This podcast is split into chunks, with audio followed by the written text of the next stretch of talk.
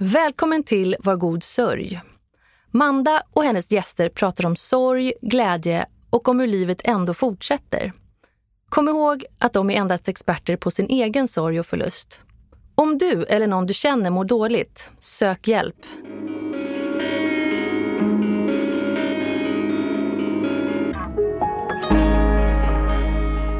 Jag heter Manda Ersgård och är mamma, barnmorska, journalist och ja, tyvärr änka. Vintern 2019 knackade döden på min dörr. Brutalt och helt oväntat förlorade jag min man efter hans självmord. Jag upplever att möten med människor i sorg är så tabubelagt och skrämmande att det är lättare att inte prata alls. Så kan vi verkligen inte ha det. Vi måste våga öppna upp för det som skaver och inte alltid är så himla glatt. Jag ska träffa människor som drabbats och dela med sig av sin sorg och förlust i alla dess former. Men viktigast av allt, deras glädje, skratt och igenkänning. Faktum är att sorg faktiskt drabbar alla förr eller senare på ett eller annat vis.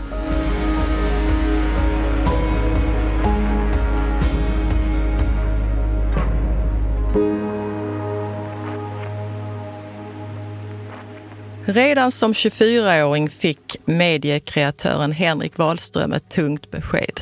Han blev diagnostiserad bipolär sjukdom. Efter år av anpassning och ett ständigt mörkande, både privat och i en ofta psykiskt påfrestande arbetsmiljö, bestämde sig Henrik för att öppna upp, styra om och få bort skam och stigma som envist armkrokat med psykisk ohälsa alldeles för länge. Självklart var det inte bara att berätta. Han vände och vred på tankegångarna. Det krävdes mod, en otrolig kraft och framför allt hade han egen erfarenhet och kunskap. Detta fick honom till slut att rikta om strålkastaren, dundra på megafonen och bli den där helt nödvändiga rösten utåt. Han tryckte på sänd och plötsligt kunde tusentals följare på hans Instagram ta del av hans hemlighet. Nu ska ni få träffa Henrik. Han ska berätta sin historia om att leva med bipolär sjukdom. Där vägen kantats av sorg, missbruk, rädslor, men också om att ta chanser, hjälpa andra och våga leva på riktigt. Och stundtals kan det gå väldigt fort mellan upp och ner i livet. Välkommen Henrik. Tack! Vad fint det var. Tack. Det ja. var ju du. Det här är du. Ja, men det, är ju, det händer ju inte så ofta att man blir sammanfattad på ett sånt fint sätt. Vad bra. Det är ju en väldigt, väldigt många år i den där lilla texten. Mm. Jag, jag, blir lite tagen ibland av när jag tänker på liksom hela den resan som det har varit. För det har gått igenom så väldigt många steg. Ja, från att det är väldigt snubblande till att det börjar bli stadigt och nu eh, äntligen tryggt. Kan man säga. Njutbart och tryggt har livet blivit. Du, mår du bra idag? Ja, det gör jag. Och jag håller ständigt koll på mig själv. Jag kan inte alltid ha stenkoll. Det är, jag kommer väl in på det antar jag sen, att det är väldigt komplicerat det där. Men jag försöker hela tiden hålla koll på mig själv och på mitt mående. Därför att det som är ganska unikt för just bipolär sjukdom är ju det här att vi som har den här sjukdomen kan må för bra. Därför att det finns ju alltså motsatsen till depressioner. Att man speedar upp och varvar upp och kommer upp i ett lyckorus som kan spåra ur. Så att så fort jag känner mig glad, eller snarare om jag känner mig euforisk, om jag känner mig liksom ett lyckorus, förälskelsekänsla, då triggar det inte bara den här glada känslan utan också varningsklockor. Finns det en är det en relevant känsla detta? Är det en korrekt känsla att jag ska vara glad nu? Har jag något att vara glad för? Och det är ju en, verkligen någonting som är... Det är en ganska tung grej, därför det svärtar ju ner nästan alla riktigt glada känslor. Om man hela tiden måste ifrågasätta, är detta nu bra? Borde jag må så här bra? Är detta lycka eller är det ett sjukdomstillstånd? Det är en väldigt konstig frågeställning som inte brukar förekomma förutom när det kommer till just bipolär sjukdom. Och just för det första, det kanske är lite förutfattad mening som jag har nu om bipolär sjukdom. Men när vi hade kontakt igår så sa du att då åkte du nattåget till Stockholm från mm. Lund, ja. kan jag tänka. Och eh, inom 48 timmar skulle du typ ha åtta möten. Och då ja. tänkte jag så här, nu har jag ju läst på om bipolär sjukdom. Mm. Måste, är det noga med sömnen och så ska han dit och hit. Så jag försökte gå in i din värld. Men det här måste du ha massa strategier för. Ja, absolut. Om det hade varit så att jag sa att nu ska jag vara vaken i 48 timmar och bara kötta och jag, allt kommer gå så bra så. Då hade det varit fara och färde. Men i det här fallet så vet jag om att jag kan ta det där nattåget därför jag går på innan midnatt och jag har mediciner som gör att jag kan sova innan midnatt som är mitt. Jag har fasta rutiner på när jag måste sova så att jag vet att jag kommer sova från 12 till 6 garanterat och sen så har jag mina möten och jag ska mm, pitcha grejer och sånt där. Det är alltså i mitt jobb. Men det finns tid för lunch, den är inte bortplockad. Det finns tid för middag och jag kommer kunna sova samma tider i natt igen. Och så där, så jag måste ha det där. Det är en helt annan femma om det hade varit så att ja, men jag ska till USA en sväng. Ja, men då är det ju med tidsomställningar och allting kastas allting om och kräver en mycket mer noggrann ordning. Men jag är väldigt det är så mycket som måste falla på plats. Så att när det är det där till exempel det där nattåget, då är också sista jag kollar. Jag kollar igen att jag har alla mediciner med mig som jag ska. Sånt där som inte får fela. Jag fick lite panik igår när jag steg på tåget och skulle gå och lägga mig och inte hittade min necessär. För då var det verkligen, okej, okay, vad gör jag nu? Nu måste jag på något vis få medicin utskrivet och hur ska jag, ska jag gå av tåget för att få tag på det? Så hittade jag den. Det var inte något konstigare än att den hade hamnat i ett ytterfack. Men det visar lite det här, jag är så pass beroende av det så att det hade kunnat vara katastrof. Liksom. Men svaret på din fråga är att jag, jag är inte hypoman i nuläget. Det hade jag märkt därför att jag är så petig med mig själv. Men jag vet också att jag är mer uppvarvad nu än vad jag var i förra veckan. Jag vet om att min, hur min kurva liksom går upp och ner, men det gör allas kurvor. Det viktiga är att jag inte springer på då. Det är så svårt att inte ryckas med i det. När det väl går bra så måste jag liksom bromsa, bromsa, bromsa. Och när jag vill gasa då måste jag bromsa. När jag vill bromsa då måste jag gasa. Det är hela tiden så. Fast nu, när jag presenterade dig här i början så sa jag att du var en mediekreatör, men du har ju ett eh, CV som heter duga. Alltså jag gör ju väldigt mycket olika saker. Ska vi se om jag hittar det här. Jag hade ju skrivit här. Väldigt många saker gör du i alla ja. fall. Men eh, jag undrar i alla fall, vad är bipolär sjukdom? Bipolär sjukdom är en kronisk sjukdom, det vill säga att man, inte, man blir inte av med det, utan man måste hitta sätt att leva med det. Och det här livet spenderas på, jag brukar likna det vid att gå på en balansbom där man kan ha ett väldigt gott liv där uppe. Där på den balansbommen så är man i nivå med alla andra. Men det finns hela tiden en tendens att ramla av åt något håll. Och om man ramlar ner åt ena hållet, då ramlar man ner i depression. Och det, det vet de flesta, i alla fall de som lyssnar på din podd vet väl vad depression är. Det är liksom ett mörker. Och det kan vara väldigt tungt att ta sig upp därifrån. Men det som är unikt för bipolär sjukdom är att man även kan falla åt andra hållet och då landa i motsatsen till depression. Det är lite slarvigt att kalla det för det, för det kan vara, innehålla mycket ångest och förtvivlan och sådär i det också. Men det är motsatsen till en depression på så vis att det är ett uppvarvat tillstånd med mer energi än vanligt. Saker känns lättare än vanligt. Man behöver inte, eller man upplever att man inte behöver sova, inte behöver äta. Många känner sig ja, men när man, alltså euforiska eller har en för, väldigt förhöjt självförtroende. Att allting är möjligt och allting kommer lösa sig. En obotlig optimism och det låter väldigt bra. Men obotlig optimism, det kan ju innebära att man till exempel hoppar på projekt som man aldrig kommer ro i land. Eller säger upp sig för att allting ändå löser sig. Eller ja, men vissa spenderar väldigt mycket pengar under en sån period. Men också det här att man lever på ett sätt som hjärnan och kroppen inte klarar av. Så att man bränner ut sig på kort tid och kraschar ner i den här andra, eh, depressionen. Och den här uppvarvade sidan, det är det som kallas för hypomani eller mani. Det är två, ska säga, styrkor av samma, det är två nivåer av uppvarvning. Alltså i hypomanin, det är det som jag kan uppleva. Då blir man väldigt uppvarvad, man får massa mer energi och sådär. Men den fullskaliga manin som jag inte har upplevt, då kan man bli psykotisk och tappa verklighetsförankringen helt och hållet. Att man kan börja hallucinera eller få vanföreställningar att man är en annan person eller att man är utvald för ett uppdrag och sånt där. Och då behöver man i regel läggas in på sjukhus för man tappar all sjukdomsinsikt. Men det är två olika sorters bipolär sjukdom. Det finns typ 2 och typ 1. Och typ 1, då har man de här manierna. Och typ 2, det är det som jag har. Det är enkelt uttryckt, men det blir ju alltså ett en kamp för att spendera så mycket tid som möjligt på den där bommen mellan gångerna man faller av. Och att när man faller av, att vara så beredd. Att man inte faller en, hela vägen ner utan faktiskt kan tippa upp balansen igen. Att man, liksom, man hinner hejda fallet därför att man ser de där tidiga tecknen på att nu är jag på väg ner då snabbt, snabbt, snabbt tillbaka upp. I, Men hur snabbt går det där? För jag tänker nu som nu när du är här till exempel, du ska, är du rädd ibland att om du har fyra möten på en dag att det ska gå så snabbt så att oj, nu, vänta nu här, nu skulle jag ha de här och nu följa ner? Nej, alltså det där kan vara olika för olika människor. Det är så olika så att det är... Och det är det som gör det så svårt att förutse saker i den här sjukdomen. För det kan vara så väldigt olika. En del har... Det går 30 år mellan deras skov. Men hur är det för dig? Men för mig så går det betydligt snabbare. Jag har liksom flera skov per år. Det finns en, en, en typ som heter rapid cycling och ultra rapid cycling. Då kan det vara dag för dag. För min del så är det oftast en fråga om kan det vara? ett antal veckor mellan svängningarna.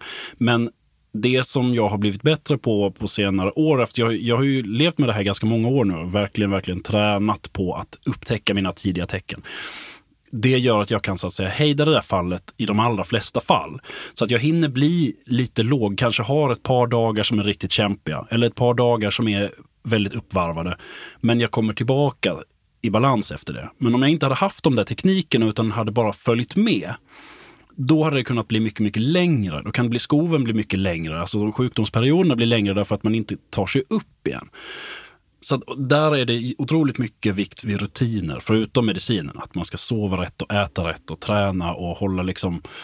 Alltså man ska leva som Skalman typ och ha liksom mat och sovklocka. Verkligen. Vi ska prata lite mer om det sen, men jag tänkte faktiskt att vi skulle slänga oss tillbaka i ja. tiden till när du var typ, vad ska vi säga, sju år och började skolan. Var det i Lund då? Ja, det var i Lund. Ja. Vad var du för en liten kille då? Ja, när jag tänker på min barndom så i den där åldern så minns jag väldigt mycket oro. Alltså jag var orolig och rädd för ja, men allting möjligt, alltså allt som var nytt. Allting som var oprövat. Alltså, filmer jag inte sett var liksom skräckinjagande. Alltså, böcker som jag inte har sett eh, eller läst och mat jag inte har provat, ställen jag inte har varit på, människor jag inte har träffat. Alla sorts överraskningar. Det var bara det som var känt och tryggt som jag liksom mådde bra i. Och allting annat, alla nyheter var liksom skrämmande.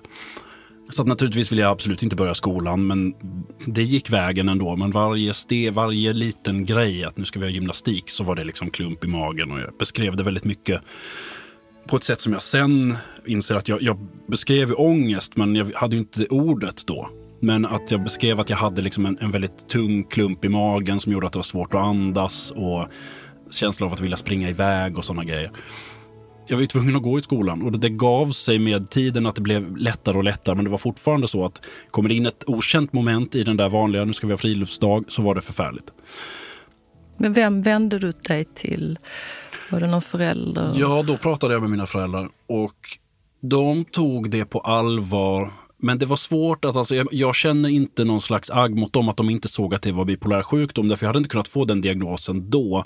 Det var liksom inte alls tillräckligt tydligt att det var det. Men jag fick besöka BUP som för första gången kanske som nioåring eller något sånt där kanske. Och sen igen som, ja, men när jag var tolv någonting så eh, jag fick ta del av nyligen, jag har skrivit en bok nu som kommer i oktober på Bonniers.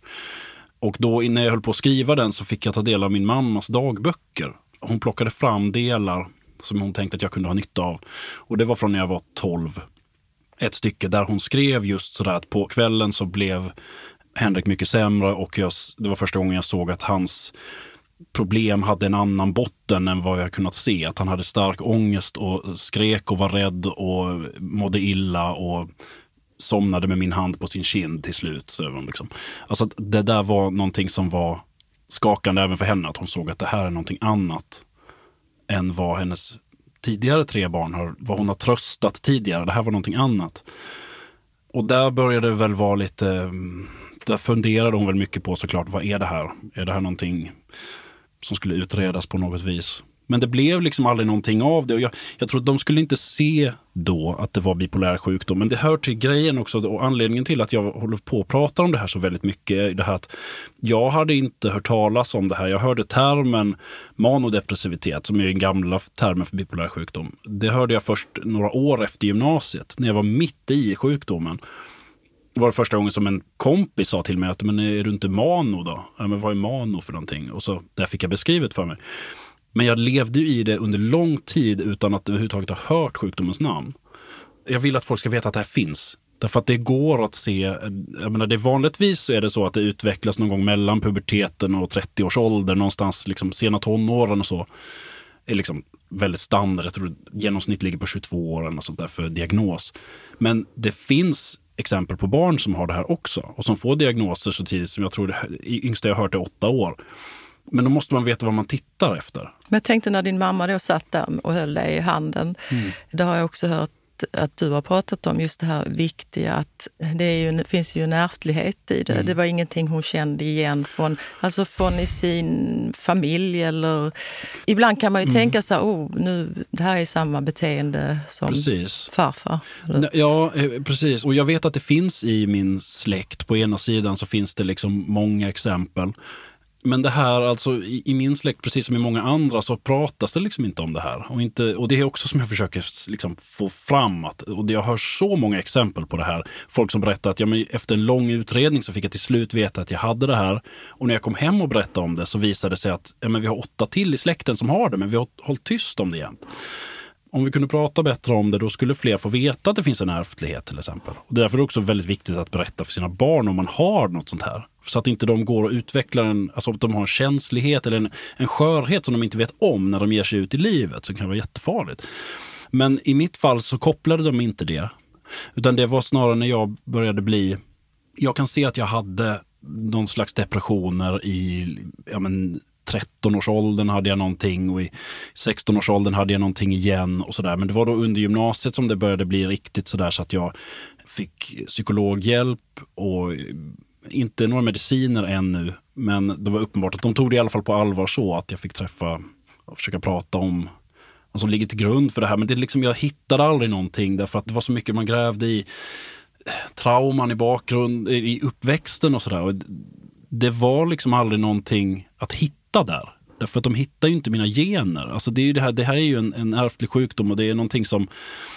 Det blev också väldigt mycket svårare för dem att upptäcka det därför att jag var arg på min psykolog under många år och, och sen efteråt och tänkt liksom hur kan han kalla sig för psykolog när jag gick till honom månad efter månad efter månad utan att han upptäcker den här sjukdomen, en allvarlig psykisk sjukdom som han inte ser. Men sen så fattade jag ju det där att det som hände var att när jag var deprimerad så träffade jag honom. Och han sa att jag var deprimerad och jag fick eh, antidepressiv medicin.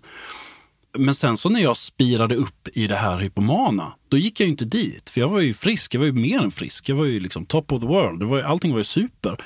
Så då gick jag inte dit. Sen så gick jag ner i en ny depression och då gick jag dit igen. Så han träffade hela tiden bara en deprimerad kille. Och det är väldigt typiskt att man inte söker hjälp för de höga perioderna. Och när man inte får det sammanhanget, då är det omöjligt att ställa rätt diagnos. Men det här är lite längre fram mm. och jag tänker fortfarande på den lille Henrik. För du mm. sa att du var väldigt orolig. Jag, tänker, jag ser framför mig när du skulle gå på kalas och sådär. Ja. Alltså tvingade, ja, du dig, tvingade du dig själv eller tvingade... För ibland så kan man ju som förälder, man liksom vill ju sitt ja. barns bästa. Och... Ja, nej, alltså jag minns att jag hade motvilligt kalas när jag fyllde sex. Nej, vänta nu. Fem finns det bilder på. Och att jag var väldigt, jag ville inte, men det blev kalas i alla fall. Och sen försökte jag, så ville jag inte gå på andras kalas. Sen så, från att jag, det är så luddiga minnen liksom. Jag minns verkligen så hur jag vägrade när jag fyllde åtta. Bara, jag vill absolut inte ha kalas. Och de frågade så här, kan inte en kompis komma och leka? Liksom, och jag gick med på det för deras skull, att en kompis fick komma över. Men minns att jag var väldigt eh, alltså det var väldigt mycket olustkänslor kring det där. Att det vill absolut inte. Samma sak om vi skulle på cirkus med skolan eller teater eller maskerad. Allt det där var bara nej, nej, nej, nej, nej. Och jag vet inte vad det där berodde på. Men jag tänker ju idag att det vore logiskt om det var så att jag hade någonting groende i mig. Men det här kan ju vara bara en personlighet. Men det kan också vara att om det här är grunden till den här sjukdomen som låg och pyrde så ger ju det ett kaos eller en oro i en som man då försöker liksom att allting runt omkring, allting i den prakt, det praktiska, den fysiska världen åtminstone skulle vara ordning och reda och trygghet. Följde den här oron med dig sen upp i åldrarna? Ja, idag så känner jag inte av den lika mycket, men jag har, den finns ju fortfarande med, men den är inte lika uttalad. Utan numera så kan jag mer känna det på sånt som ändå känns relevant att känna det för. Alltså en oro inför att ingå i ett nytt arbetslag som jag inte har träffat förut. Alltså det är sånt där som vem som helst skulle känna. Men det där är någonting som är svårt också, som många erfar som har sådana här diagnoser, att det är väldigt svårt att dra en skarp linje mellan vad är sjukdomen och vad är min personlighet. Därför att, och jag har grävt mycket i det där och bara landat i att jag kan inte dra en sån skarp gräns. Därför att det finns så mycket av mig som nog inte hade, hade blivit av om det inte var för den här sjukdomen. Det har format mig väldigt mycket. Och var till exempel ett, säg att jag blir väldigt intresserad av någonting, ett intresse som jag verkligen brinner för någonstans där när det här blir allt mer intressant så kan man se att, ja men här, särskilt i efterhand så kan jag se det, att här gick jag över en gräns där det inte längre är motiverat. Alltså det är inte rimligt att vara så här intresserad av en specifik grej. Där kom sjukdomens del in i det. Men exakt var, det ser jag ofta först i efterhand. Att där ser jag att okej, okay, så mycket pengar kan man inte lägga på den här grejen. Eller så här mycket tid var det inte värt. Men det grundar sig ändå i min personlighet. Det är typiskt mig att bli så här intresserad av just den här grejen till exempel. Men sen så kan det då spåra ur. Liksom. Och för min del så har det där ofta varit ganska oskyldiga intressen.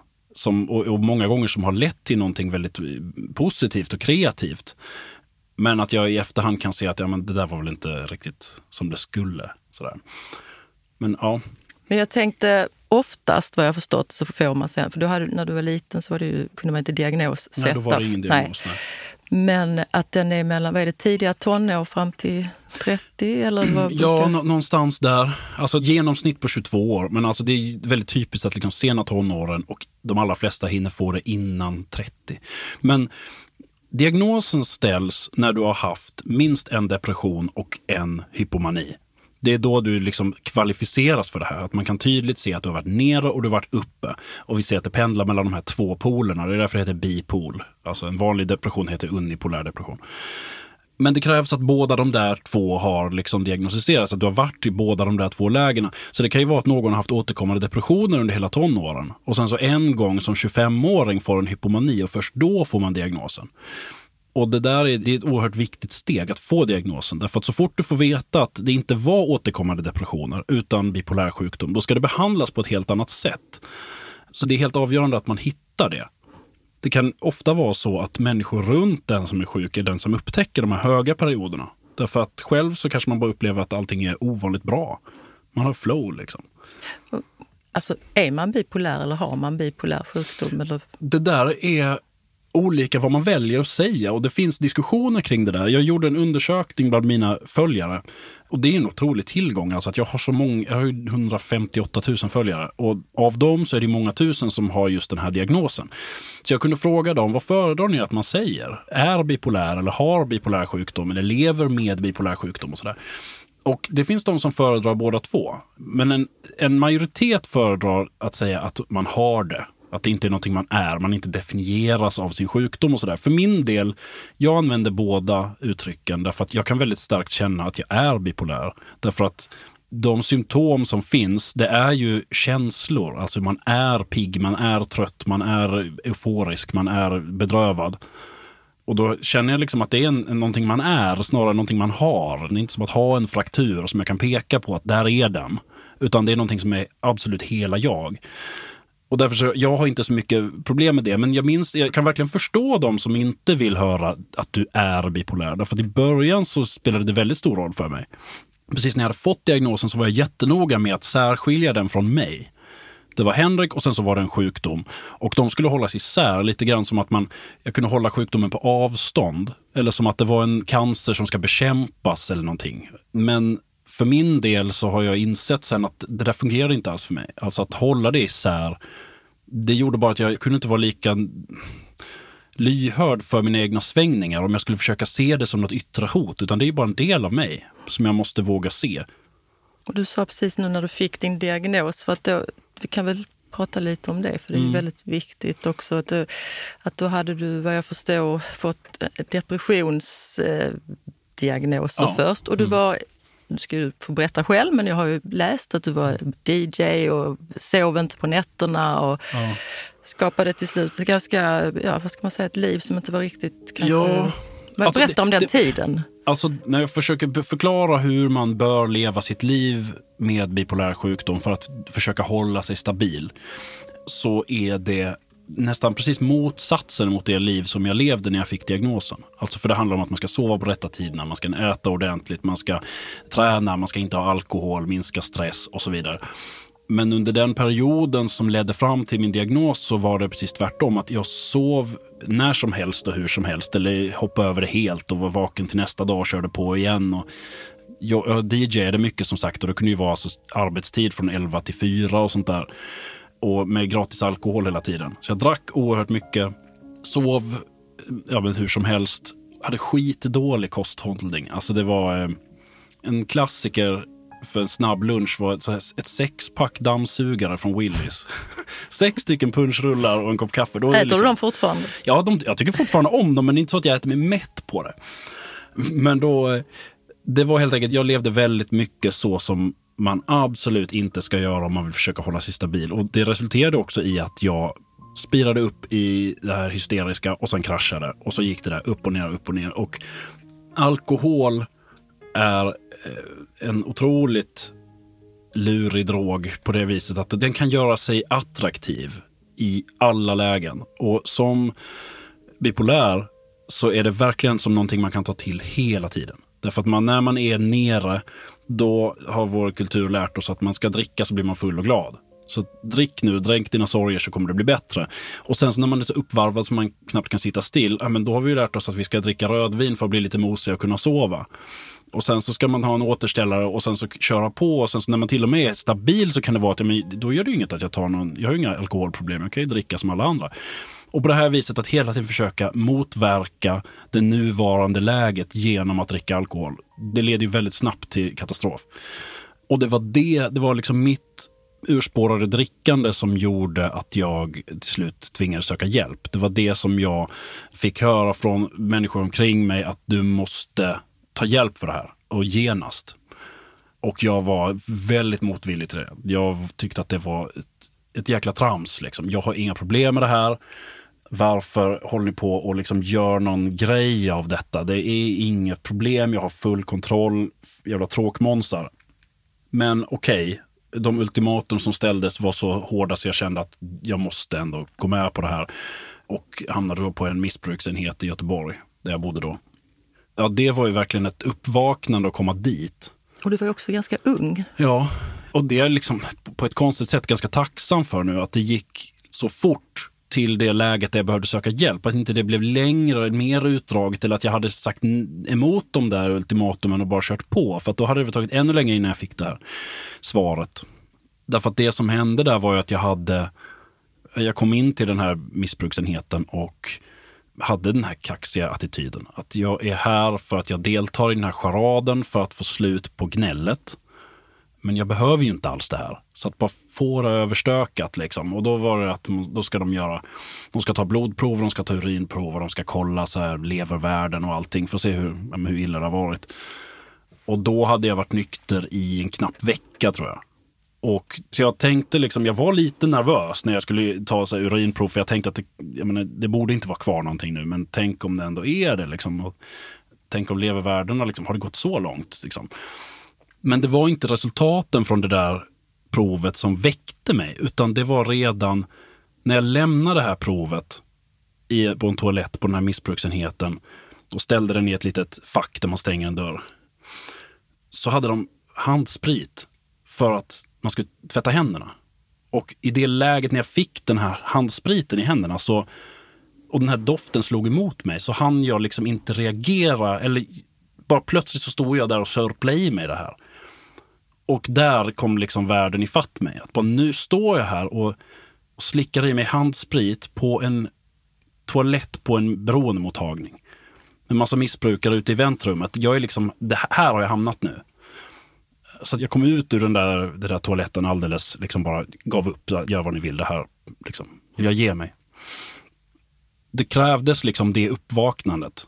Att jag hade en stängd dörr om mig. Jag, jag, det här är ingen charad, det här är ingenting jag, jag spelar någon slags roll. Utan bara jag själv tillsammans med en doft av sprit blev det här. Liksom. Och då insåg jag, okej, okay, det, det, här är ett problem som jag inte har sett.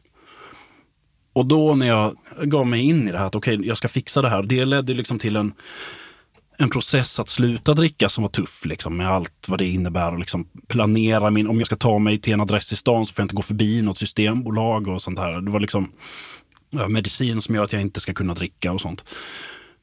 Men det som var mest avgörande, det var det att på den här missbruksenheten så träffade jag en, en kvinna som var terapeut eller behandlare, jag kommer faktiskt inte ihåg. Men hon var den jag hade alla samtal med. Och när vi då började prata om varför jag håller på att dricka och vi gick igenom mitt liv, så var hon den, den första som inte bara frågade hur mår du idag? Utan hon frågade hur, hur mådde du i april, hur mådde du i mars, hur mådde du i februari?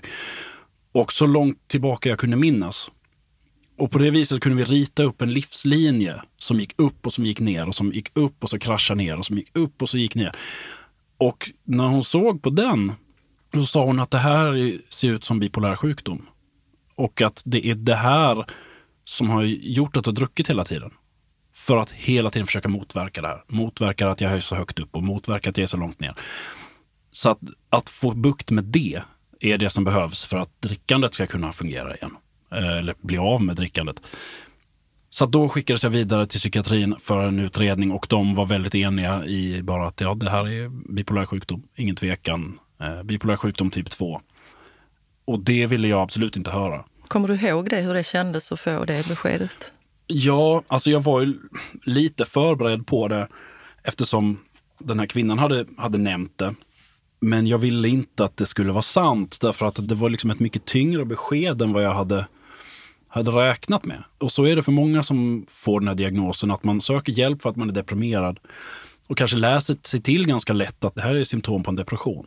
Och om man då kommer till en läkare, då, då ska man få höra att du är deprimerad, här ska du få antidepressiv medicin, så kommer det gå över och så hörs vi om, om sex veckor så kommer allting vara som vanligt.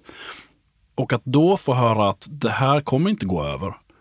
Utan det här är någonting som du har med dig och som du kommer behöva förhålla dig till resten av livet och som kan följa med dig till dina barn och vara liksom en del av hela...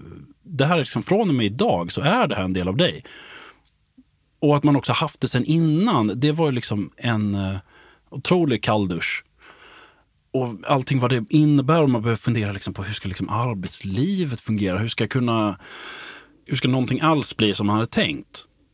Därför att det finns en väldigt dyster prognos. Om man läser sig till bara liksom börja googla på sjukdomen så att säga, då är det väldigt, det är förfärliga självmordssiffror och det är så många som liksom har skov genom hela livet och sådär. Så jag kände att det var, var ganska hopplöst. Men jag började med att bestrida det liksom och sa att det här, eh, det stämmer nog inte. Utan eh, jag behöver en, en second opinion från en annan läkare. Och då fixade de det som, och de sa att ja, men det, här, det här är bipolär sjukdom. Och då så var jag igen på dem och sa att det här, då har jag lyckats lura den läkaren också. Det är jag som håller på att spela någon slags teater för att få någon sympatier eller någonting. Det är jag som, jag, på något vis så får jag dem att tro det här. Men så kan det ju inte vara. Jag är fullt funktionsduglig. Så då ville jag att journalerna skulle skickas till läkare som inte fick lov att träffa mig. Så att jag inte skulle kunna lura dem, utan de får bara utgå från liksom, min livshistoria. Liksom. Och de sa samma sak. Och då någonstans så fick jag ju då landa i att okej, okay, vad ska jag göra? Jag, jag, är med på det. Liksom. Nu får jag acceptera det här. Och ifrån det läget så blev diagnosen istället det bästa jag kunde få höra. Därför att det är ju, alltså att få diagnosen är liksom det enskilt viktigaste steget till att liksom lära sig att leva med sjukdomen. Att man vet vad man har att handskas med. Alltså det blir Ja, men det är som att, för många upplever att det blir liksom som att få en karta som alla de andra orienterarna haft från början. Att man liksom, okej okay, det är det här. Och det kan också ge, alltså förutom det här tunga, som jag beskrev, liksom, som väldigt många känner, att det är en sorg, att det är ett besked som man liksom, som vilken, en annan allvarlig kroppslig sjukdom. Att man bara, jag vill inte, vill inte, vill inte att det här ska vara sant. Men det kan också vara så att det faktiskt kommer med en lättnad. Därför att det kan förklara så mycket. Det är inte fråga om att man haft för svag vilja eller dålig motivation eller för dålig självdisciplin eller att man inte har försökt ordentligt utan man har haft det här med sig. Och det är väl lika som vissa som får menar, en NPF-diagnos eller bara får veta att de är dyslektiker eller bara någonting som visar att men, du har inte försökt för lite. Du är liksom ingen strulpelle utan det här är en allvarlig sjukdom som du inte rår för. Och det, det kan ju vara något positivt. Men framförallt så finns det en väg framåt när man väl accepterar sjukdomen för då finns det ju utprovade mediciner för det här och det finns litteratur om det och det finns patientgrupper, det finns anhöriggrupper och det finns exempel på folk som lever med det här där det fungerar. Så att då kunde jag liksom ge mig in i det här. För jag tänker, förlåt, men jag tänker också där, du var ju i en sån ålder, 24 år mm. var du då, och hade levt det här livet som man ju gör när man är 24, ut och mm. festar och du kanske lite extra då mm. med natt. Och, och då skulle du in i en medicinering, du skulle, alltså man kallar väl det, vad är det man kallar det nu, adherence eller compliance, när man mm. ska få medicinering i vården, gör man det. Också, du ska byta livsstil och du ja. måste följa det här. Ja. Hur fasiken gick det till? Ja, alltså det var väl en stor del till varför jag sa emot det här så mycket. Att det inte kan stämma. Därför att det innebar ju att jag skulle få ett, ett skittråkigt liv, trodde jag. Och det är ju så, alltså om, om jag hade fått veta idag att ja, men nu, från och med nu så måste du gå och lägga dig efter På spåret så hade jag tyckt att det var helt okej. Okay. Men när man är i den åldern, som det ofta är, eftersom man får den diagnosen ofta sådär i tidiga 20-årsåldern sådär, så är det ju många som upplever att man precis har fått sin frihet liksom och sen så kommer någon och klipper vingarna av en. Innan man riktigt har hunnit prova dem. Och det var det jag kände då att jag har ju massa, jag är ju mitt i det här, en slags karriär som jag nu märker att jag kommer aldrig mer kunna vara på en nattklubb liksom. Utan allt det där måste ta slut. Och det kan ju också handla om att man är i ett umgänge som till exempel är väldigt centrerat kring alkohol och festande och sånt där. Att man behöver hitta andra vänner, andra intressen och väldigt mycket som ställs på ända. Och det har jag ju sen insett att det behöver inte alls vara tråkigt. Utan det handlar bara om att man måste göra saker på ett annat sätt. Och att man kan ha ett, ett väldigt rikt socialt liv utan att vara full och uppe efter midnatt. Det finns väldigt många timmar att göra saker på ändå. Men då känns det ju jättetungt och det är väldigt många som har svårt att, att finna sig i det där. Och jag menar, det var inte så att jag från dag ett sa att okej, okay, nu ska jag vara superduktig här och göra detta, utan jag fuskade ju med allting skitlänge. Det är först efterhand som jag har märkt att okej, okay, jag mådde jättemycket sämre när jag fuskade. Hur fuskade du då? Nej, men att jag fortsatte vara uppe skitsent liksom. Och inte gjorde, alltså det handlar väldigt mycket om att man i varenda situation där man liksom ställs inför ett val, ska jag dricka den här koppen kaffe nu? Då måste man hela tiden ställa sig frågan, inte vad vill jag? Därför att vad man vill är inte alls relevant i sammanhanget, utan vad mår jag bra av? Ja men klockan är liksom tio på kvällen. Nej, den här kaffen kommer ställa till det för mina sömnrutiner, jag får inte dricka den. Och ännu mer ifall det är att jag ska dricka en flaska vin själv. Ja, men då är det ännu mer att det här kommer förändra väldigt mycket. Och där hela tiden ta det här duktiga beslutet. Och det är skitsvårt. Det kräver en otrolig självdisciplin att hela tiden göra det där som är bra för en. Och idag så kan jag leva väldigt bra efter det, men då var det mycket lättare att tycka att ja, men det här, Framförallt om man börjar varva upp till exempel, då kan det ju vara så att eller går ner, men överhuvudtaget om kurvan viker uppåt eller neråt så tar det ju med sig upplevelsen av allting omkring en. Så att det kan vara så att man då tycker att ja, men det här är det jag mår bra av. Det här är det bästa beslutet. Det här är liksom det är bara när man ligger där nära det här nollstrecket där man försöker vara, det är då man kan se vad som är rimligt och, och ja, men de bra valen. Sådär. Um, Men när du fuskade då, hade du börjat med medicineringen? Ja, eh, och det tog en, en jäkla tid att få det bra. Därför att det var, för en del går det snabbt. En del får till exempel litium och sen pang så mår de jättebra så har de inga återfall. Men för min del så var det att prova medicin efter medicin efter medicin. Och det var inte att du fuskade med medicinen då? Nej, utan, nej. nej alltså, utan det var, jag försökte verkligen ta medicinen så som jag skulle, men jag mådde jättedåligt av vissa mediciner. Någon som jag verkligen så här tuppade av av, någon som jag spydde av, någon som jag blev alldeles darrig av och sådär. Så jag, jag var igenom i alla fall sex, sju sorter i olika kombinationer innan det blev rätt. Och när det blev rätt, då liksom föll saker på plats. Då fungerade det igen. Därför tanken med sådana här mediciner är ju att man ska fortsätta uppleva att man är sig själv. Alltså man ska ju bara slippa de här värsta dalarna. lite som att man, får ett, någon slags fallskydd eller en, en, ledstång på den här bommen. Att man får liksom en chans att rädda sig själv när man håller på att falla av. Därför det går inte riktigt så fort och inte så djupt. Och det hittade jag och, och kunde fortsätta ta. Har tagit i över tio år samma medicinering. Men det var mer att jag slarvade med mina sovtider och, och liksom jag hade svårare att se sånt som jag idag vet är tidiga tecken på depression eller hypomani. För det där måste man hitta. Det finns en massa klassiska liksom, som stämmer för de flesta eh, tidiga tecken på att men om du börjar uppleva att du inte behöver gå och lägga dig eller att du, du upplever att du eh, pratar snabbare än vanligt. Eller sådär. Det här är tydliga tidiga tecken på hypomani. Men sen så finns det massor av personliga tidiga tecken. Och det är superbra att liksom skriva ner dem, att verkligen ta fasta på dem. Därför att de upptäcker man kanske lite lättare då när det blir såna konkreta saker som är specifika för sig själv. Och för mig kan det vara till exempel när jag inser att jag har sprungit upp för en trappa utan att jag hade bråttom. Då liksom klickade det till i mig och jag inser att nu är det en sån där grej. Varför springer jag? Eller att jag får en, en eh, pirrande känsla av att, till exempel att jag, jag gått på Willys och handlat och så plötsligt upplevt att mina byxor var så himla sköna. Att bara så det är liksom så här sammetstyg. Vad är det som har hänt? Och då där klickar jag till och bara, okej okay, men det här är, jag står på en Willys butik, jag har mina vanliga jeans, det här är inte en rimlig reaktion. Nu måste jag liksom, nu är det något som har blivit fel. Har jag tagit mina mediciner som jag ska? Har jag sovit som jag ska? Börjar kolla liksom, vad är det som har gått snett här? Och där har jag liksom jobbat mig fram till en, en slags lista jag har i huvudet, men jag upptäcker fortfarande saker. De där sakerna får man ofta veta av folk omkring sig, som är, är de som lägger märke till det. Jag håller på nu, den här boken som jag har skrivit, som heter Upp och ner, en, eh, eh, en överlevnadshandbok till bipolär sjukdom. Det skriver jag tillsammans med en överläkare i psykiatrin som heter Katrin Skogberg Wirén. Vi har jobbat väldigt tätt med här, den här boken under lång tid. Och hon har gett mig flera nya tidiga tecken. Därför hon har sett liksom att, ja men du, är du uppvarvad nu? För jag har märkt en grej. Du börjar stava fel i dina sms. Det gör du aldrig annars. Därför att det blir den här grejen att jag tror jag ser fel stavfelen, men jag skiter i det. För att det är, liksom, det är inget problem. Allting går ju liksom, hon fattar säkert. Det är sådär, jag hade inte lagt märke till det själv, men hon kunde tydligt se bara på smsen att oj, nu är han lite mer i gasen. Sådär. Är det något som triggar igång eller är det är sjukdomen så att den bara Både och. Alltså det kan vara rent liksom bara biologin i hjärnan. Liksom, att det är det mest frustrerande. Och man har, tycker att man har skött sig så jävla bra. Jag har gjort precis som jag ska och jag har varit så duktig med allting. Och ändå så kommer det här. Den här jättetunga känslan när jag vaknar en morgon och känner att det är som att typ röra sig under vatten eller någonting. Då kan man liksom bli förbannad och känna att det här är orättvist. Liksom.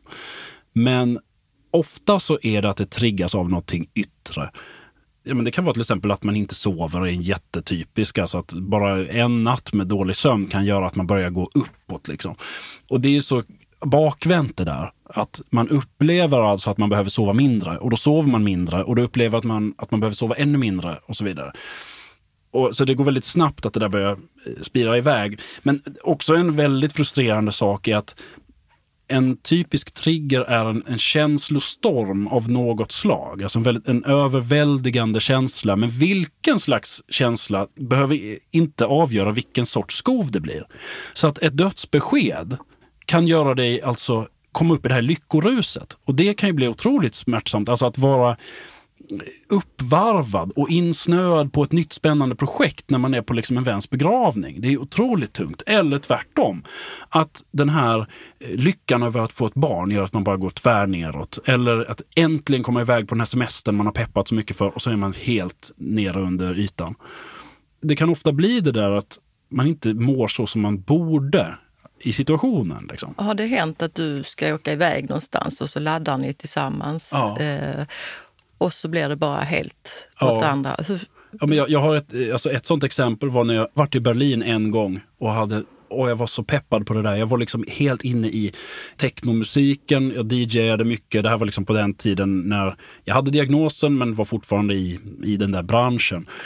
Och jag skulle åka dit och jag skulle liksom gå i alla skivaffärer. Jag hade skrivit ner mycket adresser som helst och jag skulle se allt och göra allt. Och så åkte dit och jag, var, jag mådde så jävla dåligt. Alltså, och jag, var, jag, jag minns bara hälften. Alltså. Jag var så groggy och tyckte att det var så förfärligt. Och jag fick liksom... hade jätteproblem med att folk omkring mig drack öl på restauranger så jag kunde inte ens njuta av att sitta och äta mat. Och den här Alltså depression fungerar liksom som ett filter för ögonen som svärtar ner allting. Alltså att alla intryck vänds till någonting negativt. Så att även om jag besökte den där skivaffären som jag ville så lyssnade jag på skiva efter skiva efter skiva och tyckte ingenting lät bra. Därför att min grundinställning var att musik inte är, vacker. Liksom. Så jag, jag, det blev inte den här shopping spreen som jag hade räknat med. Och, och det ser jag i efterhand bara så, och vad mycket grejer jag måste ha hittat här som egentligen var bra. Men jag upplevde bara att nej, det är bara det är för jävligt allting. Alltså för den som inte har upplevt det så är det svårt att beskriva hur det är. Men jag kom på en, en, en liknelse. För jag, jag har hållit på och jobbat mycket. Alltså när jag nu inte kunde hålla på med att DJa längre så blev det att jag jobbade ändå fortfarande kvar inom ljud och musik och blev ljuddesigner och jobbade inom tv-branschen och gjort väldigt mycket ljudarbete. Och då bland annat musikläggning av film. Och där jobbar man ju väldigt mycket med stämningar med hjälp av musik. Och det är ju just stämningsläget som förändras när man går upp i en hypomani eller ner i en depression. Och det är väldigt tydligt om man till exempel visar bilder av säg en, en grusväg och en häst som betar och moln på himlen. Bilder av det är liksom bara information, men om vi laddar det med en, en glad sommarvisa då får vi plötsligt en bild av att det här är sommarlov. Det är, är en, eh, liksom kanske en nostalgisk känsla och man känner att och, sommaren ligger framför mig och det här. Men om vi lägger skräckfilmsmusik på samma bilder så får vi en upplevelse av att här på den här vägen kommer det ske en olycka. Den här hästen kommer fara illa. De här molnen betyder att det är någonting hemskt på väg. Och på samma vis så kan depressionen lägga sig som ett sånt där filter som får en helt vanlig grusväg att känna som att någon kommer skada sig på den här vägen. Alltså man plockar fram den där värsta möjliga scenariot hela tiden. Det där är, finns ju då överallt i, omkring en. Att alltså minst bara välja en kaffekopp blir ett helvete därför att båda är ju så fel och så fula och liksom... Oh, Ja, det är ju supertungt att leva i. Är du känslig också för hur, om du kommer in i ett rum till exempel, om stämningen, alltså andras, är det också en, fast det kan ju också vara en personlighets, annan ja. personlighets... Alltså när jag är liksom helt eh, neutral, då känner jag absolut av stämningar. Men när jag är nere eller uppe, då är det snarare svårt att känna av det. Därför att då är det så dominerande hur jag själv mår. Det tar över så mycket så att vilket rum jag än kommer in i så är det förmodligen, alltså om jag då är nere och kommer in i ett, i ett rum med människor som jag inte känner, så är min första tanke att de här människorna tycker inte om mig. De där som sitter och fnissar där borta, det är jag som gör bort mig på något sätt. Jag vill bara härifrån. Medan om jag är uppvarvad och kommer in, då har jag grundtanken att de här kommer vara helt tokiga i mig om en timme, när jag liksom där de har lärt känna mig och det där är ju, båda är ju fel. Så att säga. Men det påverkar ju jättemycket hur man beter sig. Eh, och hur man liksom tar motgångar. Det är ju, ja. Därför är det ännu viktigare att prata om det. Ja, gud, Just ja. det där, jag tänker så på arbetsplats. Du träffar många olika människor hela tiden och man kommer in, det har jag också varit med, man kommer in och bara, vad, vad händer här? Då vill jag gärna börja prata eller fråga mm. hur det är och liksom ja. ta reda på det är inte alla som vågar det heller. Nej, alltså nu så har jag ju valt att vara helt öppen med vad jag lever med och på min nuvarande arbetsplats så kan, har jag liksom kunnat säga på en kick-off workshop-grej där vi ska spåna massa idéer och jag har liksom varit helt öppen med att jag mår inte alls bra idag. Så att jag kommer inte komma med de här pigga idéerna som är mitt jobb att göra, men jag är här och jag är här så mycket jag kan, men jag behöver eh, ha liksom förståelse för det. Jag är snart tillbaka igen. Medan en annan gång så kan jag till och med nyttja det att säga att jag, nu har jag så jäkla mycket idéer. Så att nu är det nog smart att köra en brainstorm av något slag. Eller så här, bara sätt mig på att hitta på helt nya saker en dag så kommer du få massa bra idéer. Därför att mitt jobb idag går ut på att hitta på idéer och producera film och reklam och sånt där. Och det går verkligen i perioder. Ifall jag känner att allting kommer bli så bra och jag skriver och skriver och skriver. Eller om det känns bara som att det är tvärstopp. Men nu kan jag uttrycka det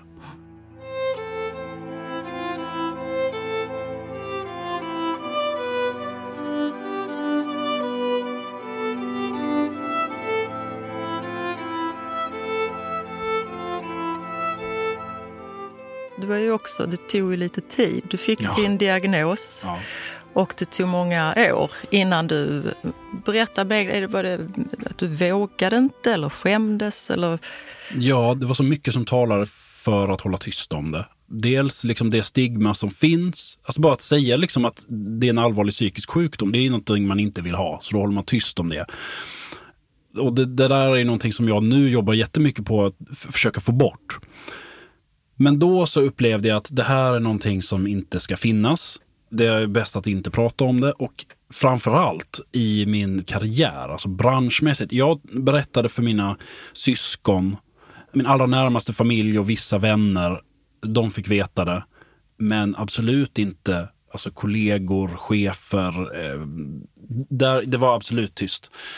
Och det gick att hålla tyst om det mycket därför att om jag hade varit på en och samma arbetsplats hela tiden så känns det som att då hade det där, de hade sett det, att det var så olika energinivå. Men branschen jag var i var ju tv-branschen i Stockholm där jag som frilansare hade kanske 8, 10, 15 arbetsplatser, alltså olika arbetsgivare per år. Alltså jag gick hela tiden till nya projekt. Var det en strategi också? Nej, det liksom Nej. fungerar så att men nu jobbar jag tre veckor på Bonde söker fru, sen är den säsongen slut. Och sen så jobbar jag två dagar på den här reklamfilmen och sen jobbar jag fem dagar på den här. Och sen är det en podcast, det är en vecka och sen så är det det här. Och gick mellan så hela tiden. Hela tiden nya arbetslag, nya kollegor. Och det hör också till dels att de inte då ser ifall jag är lägre under en period, för att de träffar mig bara under så kort tid. Men också ifall att jag faktiskt är, inte kan jobba för att jag är liksom under isen. Då tackar jag bara inte ja till någonting under den perioden. Så det är ingen som ser mig överhuvudtaget. Men också det här att den branschen och många andra branscher, i liksom, särskilt när det handlar om frilansande, den utgår hela tiden från att ett jobb leder till nästa. Och man är hela tiden det är en stenhård konkurrens om nästa uppdrag. Där man, det gäller att vara liksom den optimala kandidaten för nästa jobb. Och att då lyfta fram en skör sida hos sig själv kändes som liksom självmord. Det, det går inte. Därför att det, vi har ju allt bättre öppenhet kring till exempel att man har varit med om att va, ha gått igenom depression eller att man har bränt ut sig eller att man har, har gått i terapi under en period eller något sånt där. Men de där sakerna är ju i regel så att det är någonting som man har lagt bakom sig sen. Att man säger att ja, men jag hade en jättetuff period. Det här har jag varit med om och folk kan bemöta det med att eh, det där har du säkert blivit starkare av eller eh, det verkar tufft, vad bra att det är ute på andra sidan. Men att berätta att jag har bipolär sjukdom, det är mer som att säga att jag kommer kanske bränna ut mig på den här arbetsplatsen. Därför det här är någonting som jag har idag och måste förhålla mig till. Och som kanske kan bli någonting som påverkar min, min arbetsförmåga. Och det kändes bara som det är helt uteslutet att jag ska berätta om det här. Så att jag höll tyst och fortsatte hålla tyst och hade en väldigt fungerande karriär. Jag tänkte liksom att jag berättar inte för någon och sen så om det går åt helvete, då, ja, men då märker de väl det då kanske. Det fanns vissa undantag där jag berättade för till exempel att jag ska åka iväg på men här ska vi åka på, följa med ett band på en turné. Och vi kommer att spendera många veckor tillsammans, väldigt tätt. Och jag kommer liksom behöva ta mediciner under den här tiden och så. Men då tog jag och eh, liksom bokade en lunch med bara precis den jag skulle jobba med. Den som jag är allra tajtast med, som jag kan dela rum med och så. Och så berättade jag för den personen. Men annars, annars så försökte jag bara hålla tyst om det. Och det gjorde jag alltså i 12 år. Så det var först efter det som jag, alltså jag, jag, kände ju hela tiden att jag vill ju berätta det här. Jag vill inte att man ska behöva skämmas för det här. För att jag mer och mer kände jag att jag har ju fan ingen skuld till det här. Det här är ju inte mitt fel överhuvudtaget att jag har drabbats av det här. Och jag är skitstrong som klarar av att, att jobba på det här viset. Jag borde liksom inte skämmas för det här, snarare stolt eh, kunna medge liksom att jag fixar det här med liksom en jäkla 100 kilos ryggsäck på mig medan ni gör det utan. Liksom. Jag menar, utan att säga att andra inte lider av andra saker. Men att vi i alla fall, att kunna berätta vad mina förutsättningar är. Då till slut så hamnade jag i en situation där jag kände att, ja men nu, för det första så vågar jag berätta. Jag befinner mig nu på en arbetsplats där jag varit en längre tid. Och där jag känner att det här är vettiga människor omkring mig som kanske skulle ta den här nyheten i alla fall ganska bra jag kan inte veta riktigt, men innan jag sagt det så vet jag ju inte. Men det skulle kunna hålla liksom. Och om det inte håller, då får det liksom bära eller brista här nu då. Det får vara värt det här jobbet ifall det är så att jag blir av med det. Och det hängde också ihop med att eh, en tid tidigare så var det en bekant till mig som fick samma diagnos som jag. Och jag spenderade en eh, lång kväll i telefon och försökte liksom förklara för honom vad innebär den här diagnosen? Vad, vad kräver det av dig? Vilken sorts livsstilsförändring innebär det? Hur fungerar medicinerna? Vad är viktigt att tänka på? Och så vidare. Och tragiskt nog så levde han bara tre dagar till efter det.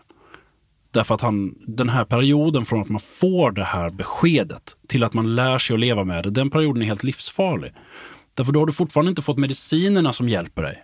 Och du har inte fått de här strategierna från folk som säger liksom att yes, du fixar det. Jag försökte göra det. Jag försökte peppa och inge hopp. Men de negativa saker han hade fått höra tillsammans med den här ångesten, liksom som, han var ju mitt i depressionen, gjorde att han kände att det inte gick. Och där kände jag också bara så att jag, menar, jag vet om att det inte var mitt fel. Jag vet att jag tar inte på mig det. Och det har jag inte gjort innan heller. Men jag har alltid haft med mig att tänk om jag hade kunnat peppa ännu bättre. Tänk om jag hade kunnat förklara ännu mer begripligt. Tänk om jag hade kunnat skänka mer hopp. Vad hade Visste hänt han då? om att du också var... Ja. Ja, så, mm. eller hon. Så, är det, ja, förlåt, jag visste inte. Ja, men för jag förklarade ju utifrån mig själv liksom, att jag lever med det här och det funkar med det här och det här och det här. Men även då så var jag ju, levde jag ju i garderoben med det på något vis. Alltså jag menar, det var ju fortfarande inte en helt ljus bild av det. Det är klart det är svårt att ge en ljus bild av vilken sjukdom som helst. Men det finns mycket mer peppande att säga som jag inte hann säga.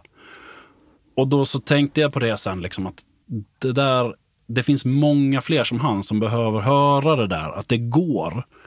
Och att det här livet som jag lever, jag lever ett jättelyckligt liv och jag fungerar. Och de här, den här omställningen till ett mer stabilt liv, det har varit värt det. Det är värt allting tusen gånger om. Det är så många som måste få höra det, som är på den där gränsen att ge upp. Och det då tillsammans med att jag kände att den situation jag är i nu med, i min karriär och sådär, det kan gå.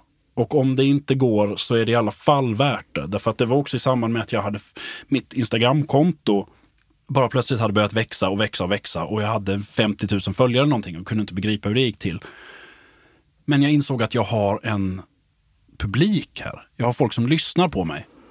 Och jättemånga som ställer frågan, har någon erfarenhet av psykisk ohälsa? Och jag känner bara att jag, har, jag skulle kunna liksom berätta i timmar om det. Men jag kan ju inte, för att då måste jag ju berätta den här stora hemligheten. Att jag själv lever med det och vad det är jag lever med. Så det måste ut. Liksom.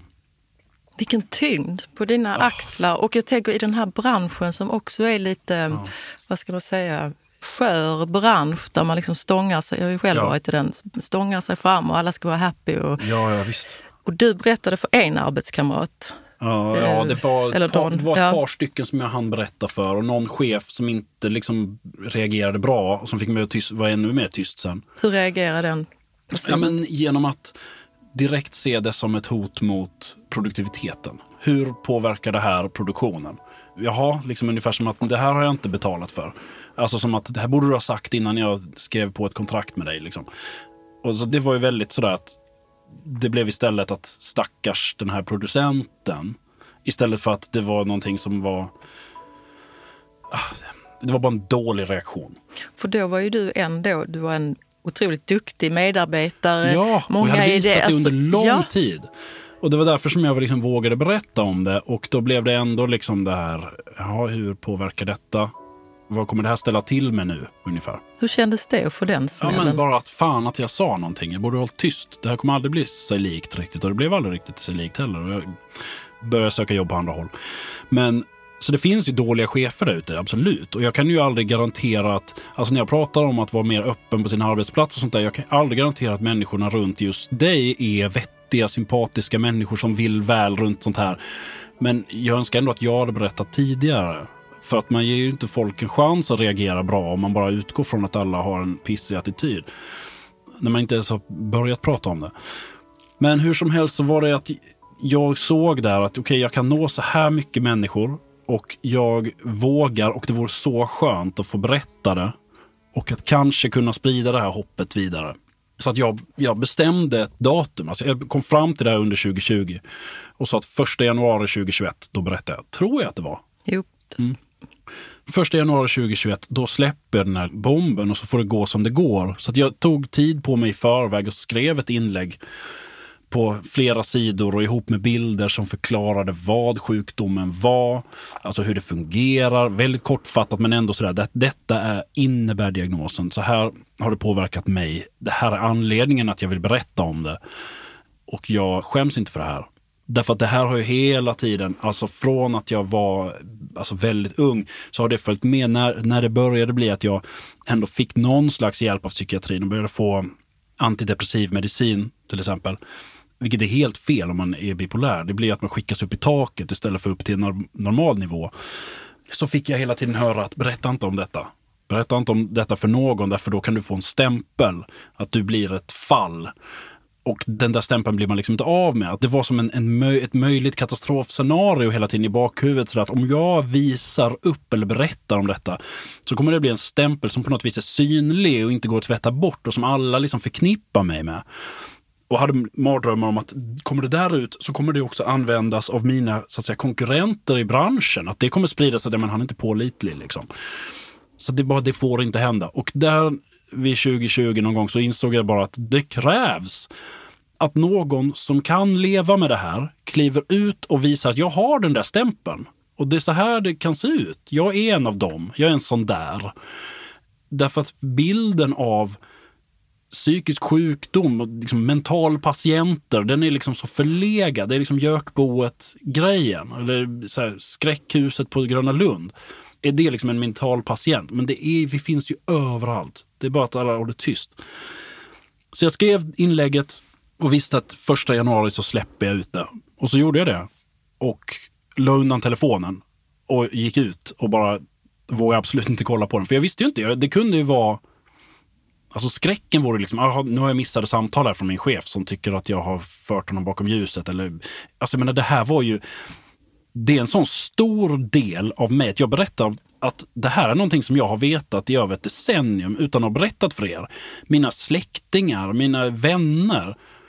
Risken var ju där att folk som jag älskar och som vänner som jag värdesätter ska se det här som att var jag inte mer värd än att du skulle kunna lita på mig med den här informationen. Det är ju en, en reell risk. Att när man berättar en hemlighet att det har gått så lång tid.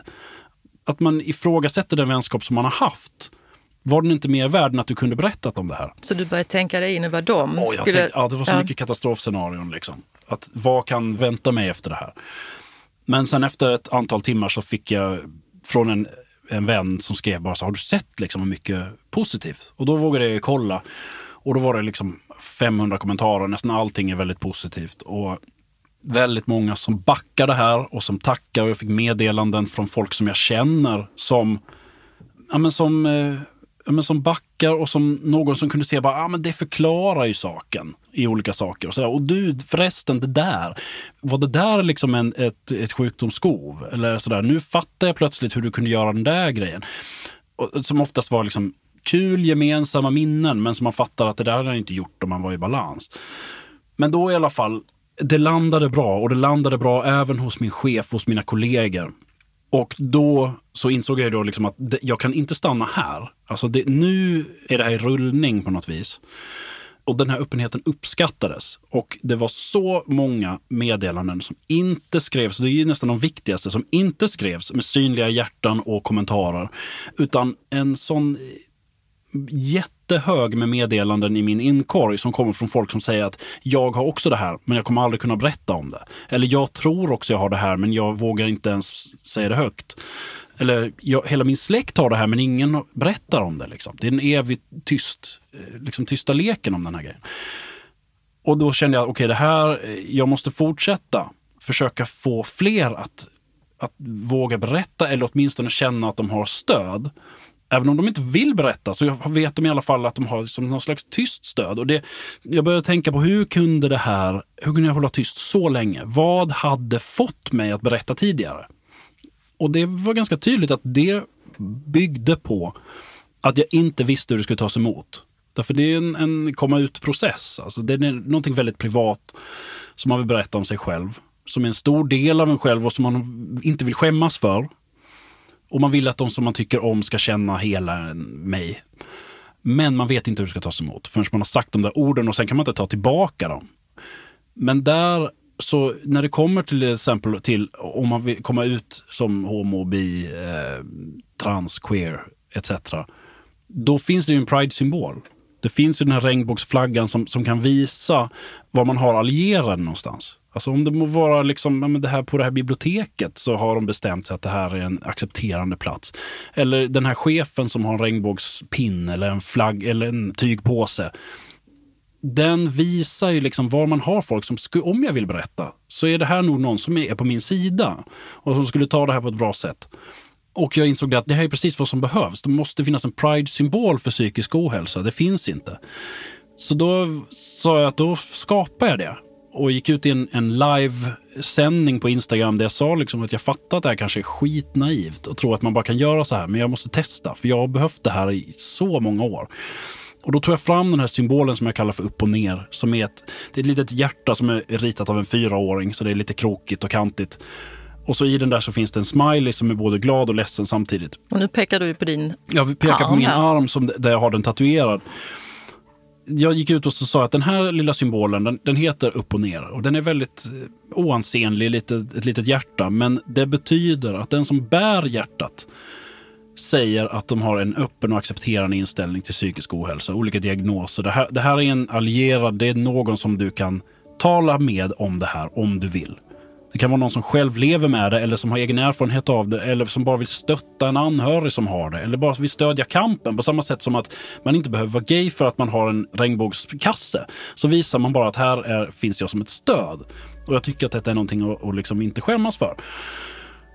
Och sen så gjorde jag då, okej, okay, det finns då den här sidan upp och ner.nu. Där jag nu, nu finns det liksom pins och påsar och tröjor och kepsar och allt möjligt. Och så skänker jag hela vinsten till Mind och till Järnfonden. För att jag ska inte... Då kan det ju göra nytta ännu en gång. Och så är det ingen som försöker säga att jag profiterar på andras ohälsa eller någonting. Utan det här är någonting som ska vara utöver mig. Och det gick liksom bättre än vad jag någonsin kunnat tro. Det där rullar på på ett otroligt sätt alltså. De som gör de här grejerna skickar ut saker varje dag. Och det började trilla in folk som tatuerar in den här symbolen. Och det första jag fick tyckte jag bara det här är helt otroligt att någon vill ha den här liksom for life. Då betyder den ju någonting. Och sen efter det så ramlade det in 103 tatueringar till. Wow. Så 104 personer har hört av sig och skickat en bild. Sen kan det finnas ännu fler, men det är helt otroligt. Och den har burits i riksdagen av en som stod och talade där. Och nu fick jag meddelanden om att, att på en eh, damallsvenskan match så kommer, nu om några veckor så kommer FC Rosengård ha den på sina matchställ. Och sånt Alltså den dyker upp. Coolt. Bra jobbat. Alltså det må, då, jag blir helt rörd för att jag tänker på hela den här historien nu som du har berättat mm. för mig. Hur mycket kraft det tog för ja. dig jag bara tänker så här, när du jobbade, du hade ju ändå en bra grund, du var en bra medarbetare och så tog mm. det så mycket kraft och nu för du det vidare. Har det hänt någon gång att du har träffat någon på stan och du har sett någon med kassen och själv gått fram och frågat hur läget? Ja, oftast så är det ju då att jag har gått och sagt liksom att tack för att du bär den där och då känner de igen mig från att de vet att det är jag som har liksom lanserat den här. Det är ju jättekul och det hände senast idag en som stannade mig och sa liksom att Åh, jag har den här pinnen också. Liksom.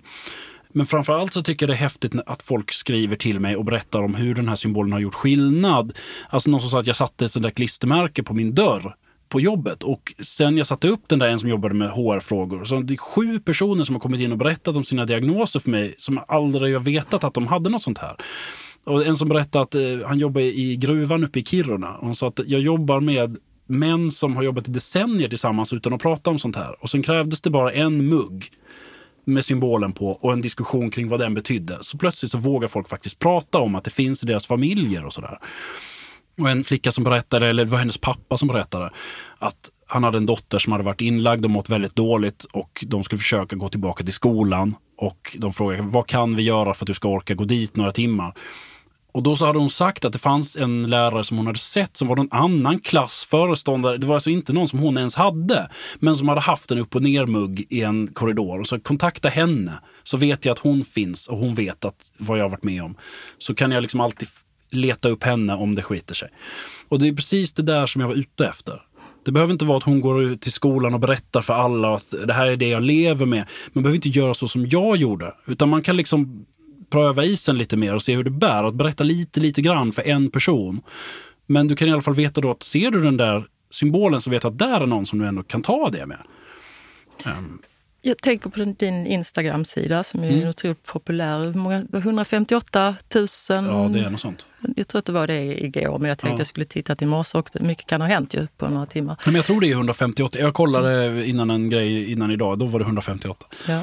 Och det, jag bara funderar lite på den, för den, det är också mycket så här tramsebyx. Eh, mm. liksom, tramsebyx ja. eh, som, och som ju du ja. är. Du är ju rolig ja. och du har ett alv... Alltså det är ju, ja. Jag försöker blanda allvar och trams. All, allvar och trams, ja. Och det är ju himla kul. Men från början, när startade du den här? För jag försökte också scrolla ner, det tog ja, jättelång tid. Alltså den, jag insåg nu att det var i, nu i början på den här månaden så hade jag haft kontot i tio år. Men det var ju bara ett, ett konto där jag la upp någon bild om månaden bara för, liksom jag hade 20 följare eller någonting. Det var plötsligt som jag började få följare som jag inte insåg att det här är folk jag inte känner som följer mig. Vad sjutton är det nu som händer? Och då blev det mer intressant att lägga upp saker för jag märkte att folk tittade och så blev det att ja, men, jag har aldrig haft någon plan med det här kontot utan jag har lagt upp saker som jag antingen tyckt var roliga eller intressanta eller viktiga.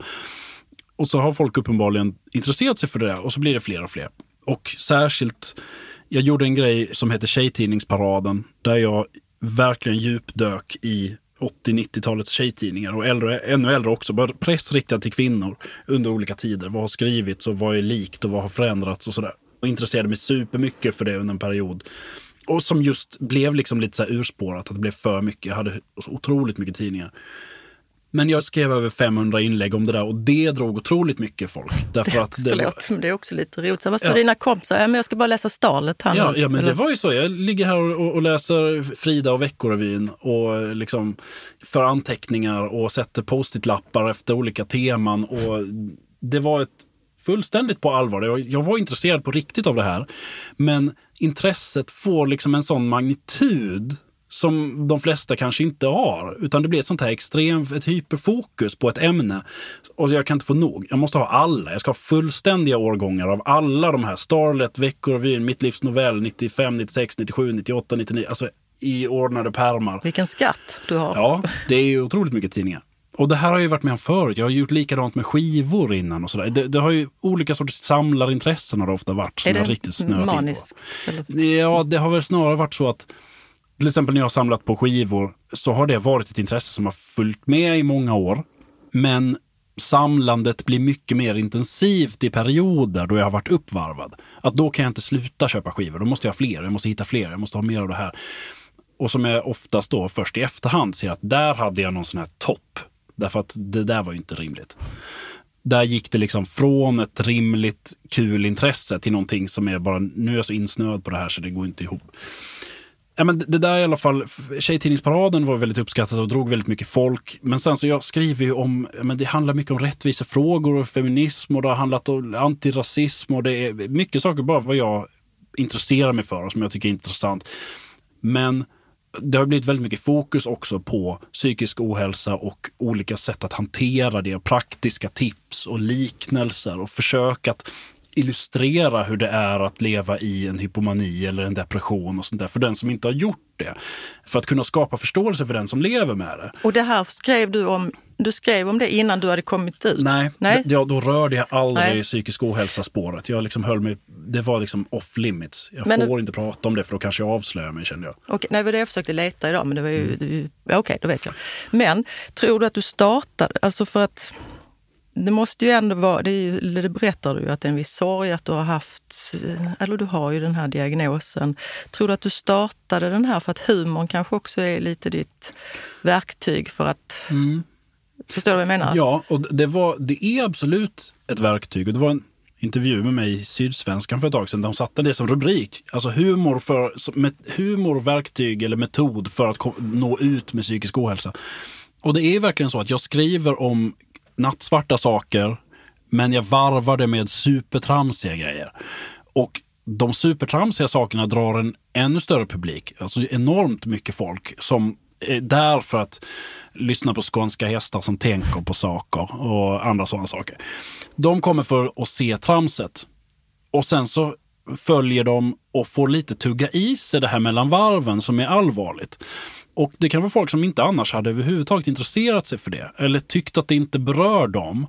Men som får höra det här i alla fall. Och det tycker jag är ännu viktigare. Därför att om jag bara hade haft ett konto som var att det här är ett konto för folk som lever med den här sjukdomen.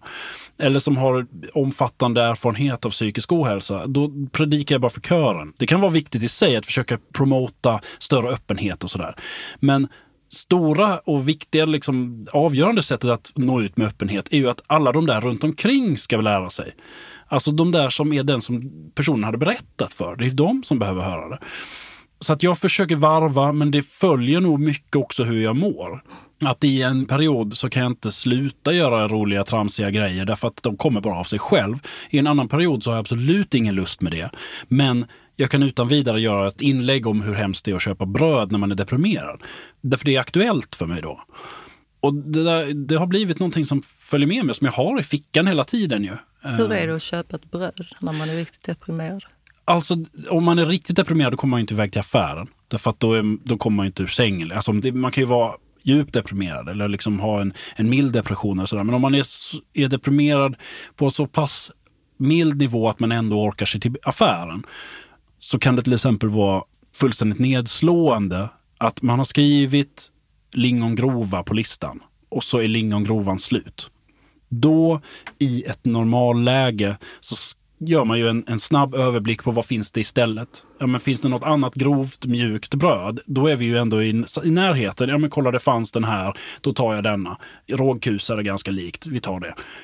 Men i ett deprimerat läge så blir det istället att allting är fel.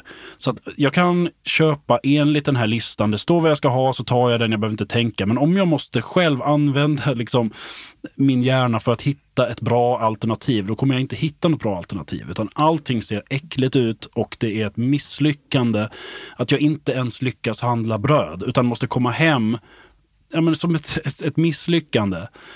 Och att det gör det ännu värre. Att det var något sånt enkelt som jag trodde att jag skulle klara av, så står jag här och gråter över någon jävla kavring. Och tär inte, nu inte, var just brödet var ju bara ett exempel, mm. men tär inte det ganska mycket på självförtroendet också när, man kommer i de, eller, eller när du kommer i de här?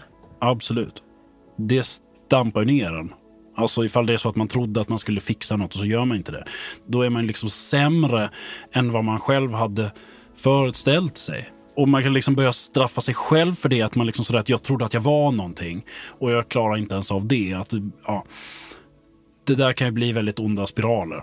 Och eh, det där försöker jag visa på det här kontot för att den som aldrig har varit nere i ett sånt där hål kan ju inte eh, föreställa sig den grejen. Alltså det känns orimligt att det ska vara svårt att köpa bröd. Men genom att försöka visa upp det på det viset och med mörka filter och med stämningsmusik och med allt det här och en tanke, en röst i huvudet som berättar det här så kan man ändå få någon slags första persons erfarenhet av det. Och sen så gör jag också då att, jag menar, att handla bröd som hypoman. Ja, men då är det en helt annan musik. Och att lingongrovan var slut, hurra! Det här ger mig nya möjligheter att prova någonting nytt. Och bröd behöver vi inte ha, det finns bakelser. Vi ska köpa, ja vi ska ha fest, vi ska ha bullkalas, jag ringer en kompis nu. Att den här extrema optimismen istället. Det där försöker jag göra. Och förhoppningsvis, jag, jag tenderar att sluta med det, det hypomana därför att då lämnar jag dem på den positiva sidan. Så det inte bara blir det här triggande djupa. Vad är värst, hypo eller man? Och vilket är värst att ta sig ur?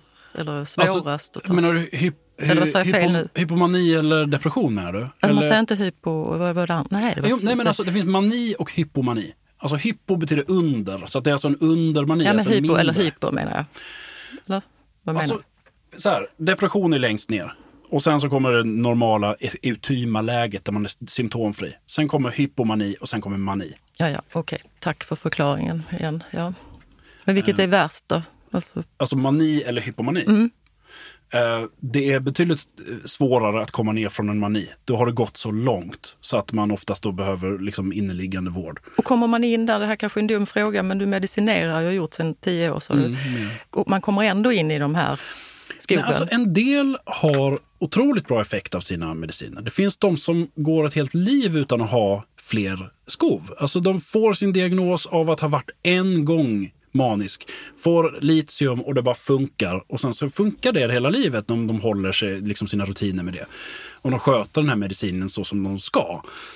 Men det finns också väldigt många och det är väl liksom de flesta som ändå har återkommande att det fortsätter svänga upp och ner.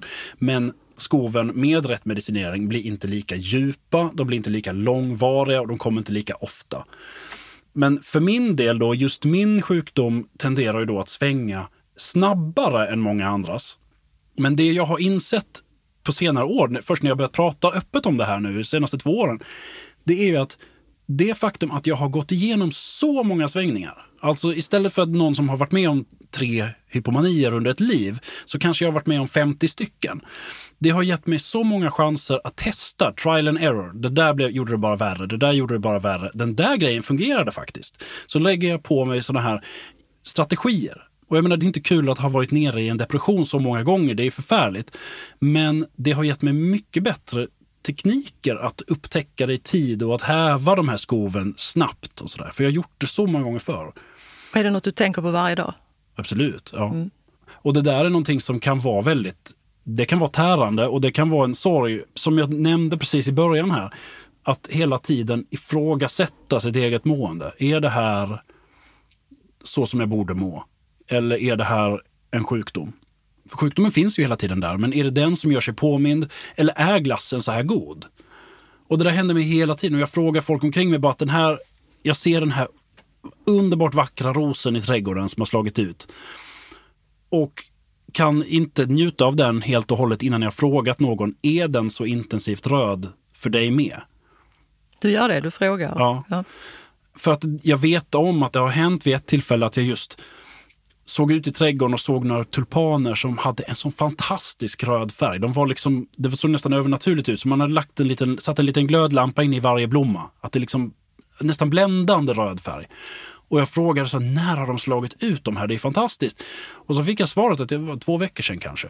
Du har sett dem varje dag. De här tulpanerna har inte förändrats, utan det är jag som har förändrats. Mitt intryck, mina synintryck tolkas på ett annat sätt nu än vad de gjorde igår. Och det betyder att jag måste liksom genast se vad har jag mer sett för tecken? Vad är det som kan ha blivit fel? Har jag sovit som jag ska? Vad behöver jag göra? Och det gör att jag istället för att bara njuta av ett sinnesintryck som är starkt och positivt bromsar mig själv för att känna, är det för positivt? Är det för mycket? Och de som har varit med om fullskaliga manier till exempel, som har varit förödande. Det finns ju de som har liksom förstört sina, liksom sina äktenskap eller sin ekonomi eller gjort sig, liksom, alltså, orsakat sig själva eller någon annan en väldigt stor skada innan de kom ner igen. De kan ju gå och vara livrädda för det här. Så att en positiv känsla av äntligen vår kan ge ett ångestpåslag. Att shit, tänk om jag håller på att bli manisk. Vad kommer hända då? Och det är någonting som är ett, en börda. Har det hänt dig någon gång att det har hänt någonting så fruktansvärt så att du bara, som du fortfarande tänker på, att det där får aldrig hända igen? Alltså, jag har aldrig, jag har inte varit så destruktiv att jag liksom har förstört mitt förhållande. Alltså det var någon gång på gymnasiet som jag skulle ändra på allt plötsligt och liksom gjorde slut med en flickvän jag hade haft under lång tid och sådär. Och det kan jag skämmas för idag. Men det är snarare mindre såna här sociala saker, alltså som jag har gått och ältat under lång tid. Som till exempel, jag minns ett tillfälle där det var ett firande för en annan person. Det var en annan person som skulle firas, en sammankomst där jag var så hyper och så uppvarvad. Att jag liksom tog strålkastarljuset i den situationen och pratade med alla och kände att det var den här fantastiska stämningen. Och jag upplevde inget konstigt med det, men fick sen i efterhand höra att jag så att säga hade fått det att handla om mig. Istället, och det, alltså jag, det är den här, alltså det här höjda självförtroendet, den här glorifierade bilden av sig själv. Det är liksom det äckligaste med den här sjukdomen för mig personligen. Jag tycker att det är hemskast att tänka på. Alltså att tänka på mig själv som deprimerad, det kan jag hantera. Men att tänka på att jag ska ha betett mig egoistiskt eller megalomant liksom till och med. Det får mig att må illa. Alltså att tänka att jag ska ha sabbat någons firande genom att ta äran på något sätt själv. Och det, det var förfärligt. Att det blev din show? På något att, det, ja, men att, att stjäla showen av någon som skulle haft den. Det är så långt ifrån den bilden som jag vill ha av mig själv. Sympatisk och inkännande och generös. Men det var ju inte på något sätt illa menat. Jag tyckte bara att vi hade världens roligaste fest och att alla tyckte så mycket om varandra och alla tyckte om mig. Och sen fick jag höra att jag liksom hade bara pratat förbi folk och varit liksom... Och det här var ju under en tid då de här människorna på den här festen visste ju inte om att jag hade det här. Och hade jag i efterhand kommit och sagt att ja, men jag var inte frisk under den här perioden, det hade ju inte varit en ursäkt. Det hade inte blivit ett bättre firande för den här personen som skulle firas. Men det hade i alla fall, det, det kan ju vara en förklaring fortfarande. Och det, det tycker jag att är viktigt att komma ihåg att om man beter sig illa under ett sjukdomsskov, att man ska kunna säga förlåt för det och be om ursäkt för det, för det är fortfarande du som har gjort det. Sen kan du förklara att det gjordes under en period då jag inte hade den självinsikten som jag brukar. Jag hade inte en, en bild av verkligheten som stämde överens. Jag gjorde mitt bästa och det gick dåligt. Men att ändå våga säga förlåt för det, om man har orsakat någonting. Ja, det har varit många sådana där situationer, men det är verkligen minnen som jag försöker liksom lägga långt bakom. Men det är också energikrävande såklart att ha dem i. Ja. Men du pratar ju mycket om att det är viktigt att berätta för anhöriga, eller att anhöriga ska berätta. Och så här, men hur är du själv beredd för att dina barn ska Alltså att bipolär ja, sjukdom ska spridas vidare? Ja, det är ju en tung ryggsäck. Att ha med sig att det här inte nödvändigtvis tar slut med mig. Utan sannolikt så, jag menar, det är en väldigt ärftlig sjukdom. Om man försöker se det positivt så kan man läsa siffrorna som att det är 80 procents chans att mitt barn inte får det. Det är mycket mer sannolikt att det passerar. Men det finns ju fortfarande där en reell chans att det här förs vidare. Och det, det går att älta och det går och det är ju verkligen hjärtskärande att tänka att, att det här kan drabba någon. I, i, liksom, ja, det är förfärligt att tänka på. Men istället för att bara älta det och istället för att försöka... Jag fattar ju att det här skulle kunna bli en väldigt så självbestraffande, man börjar skylla, skylla på mig själv för det här och så jag försöker istället tänka att om det skulle ske, om det skulle vara så att det uppvisas tecken, så sker det i en ovanligt bra miljö och med omständigheter som är så bra som möjligt. Alltså på det här viset att i så fall så får det här barnet symptom i ett sammanhang där omgivningen är fullständigt beredd på det vet vad de ska titta efter, vet vad som kan passera som ingenting och vad som är värt att ta på allvar. Vad som i så fall behövs. Vilken trygghet som behövs runt omkring, vilken väg det där tar och framförallt en, ett hopp om att det kommer kunna bli bra sen. Och det är så jag försöker tänka. Att eh, hellre i min familj på något vis, än i den där tysta familjen. Ja. Och det är ju det du vill för oss alla. Ja. Hur tror du att du är att leva med? Säkert helt fantastisk, men jag menar jag tänkte utifrån. Nej men jag... Eh, men bra... Nej, så kan man inte säga. Men det är väl omtumlande på det viset att den som lever med mig behöver nog vara liksom ganska trygg och rotad och lite eh, sådär svårimponerad och lite blasé sådär att ja, ja, ja liksom, eh, ännu ett nytt projekt. Liksom, att jag tar det nu lite lugnt med det där och sådär. Kunna lite ja, men skratta åt, så här, nu, nu håller du på och gör någon ful dans i köket. Så har du tagit din tablett? Och så bara, nej jag har glömt det. Alltså den här, att man gör en, när det hålls på den där nivån att det bara blir nästan tramsigt, då är det okej. Okay. Sen så såklart att, oh, det är så svårt. Alltså det blir inte tråkigt, det blir det inte. Det är hela tiden nya grejer. Eh, och jag har ju så mycket järn i elden och projekt och går direkt från tanke till handling. Och plötsligt så liksom har jag sytt en hel kollektion med små kläder till den här gosedjursapan som hänger på små galgar och är liksom...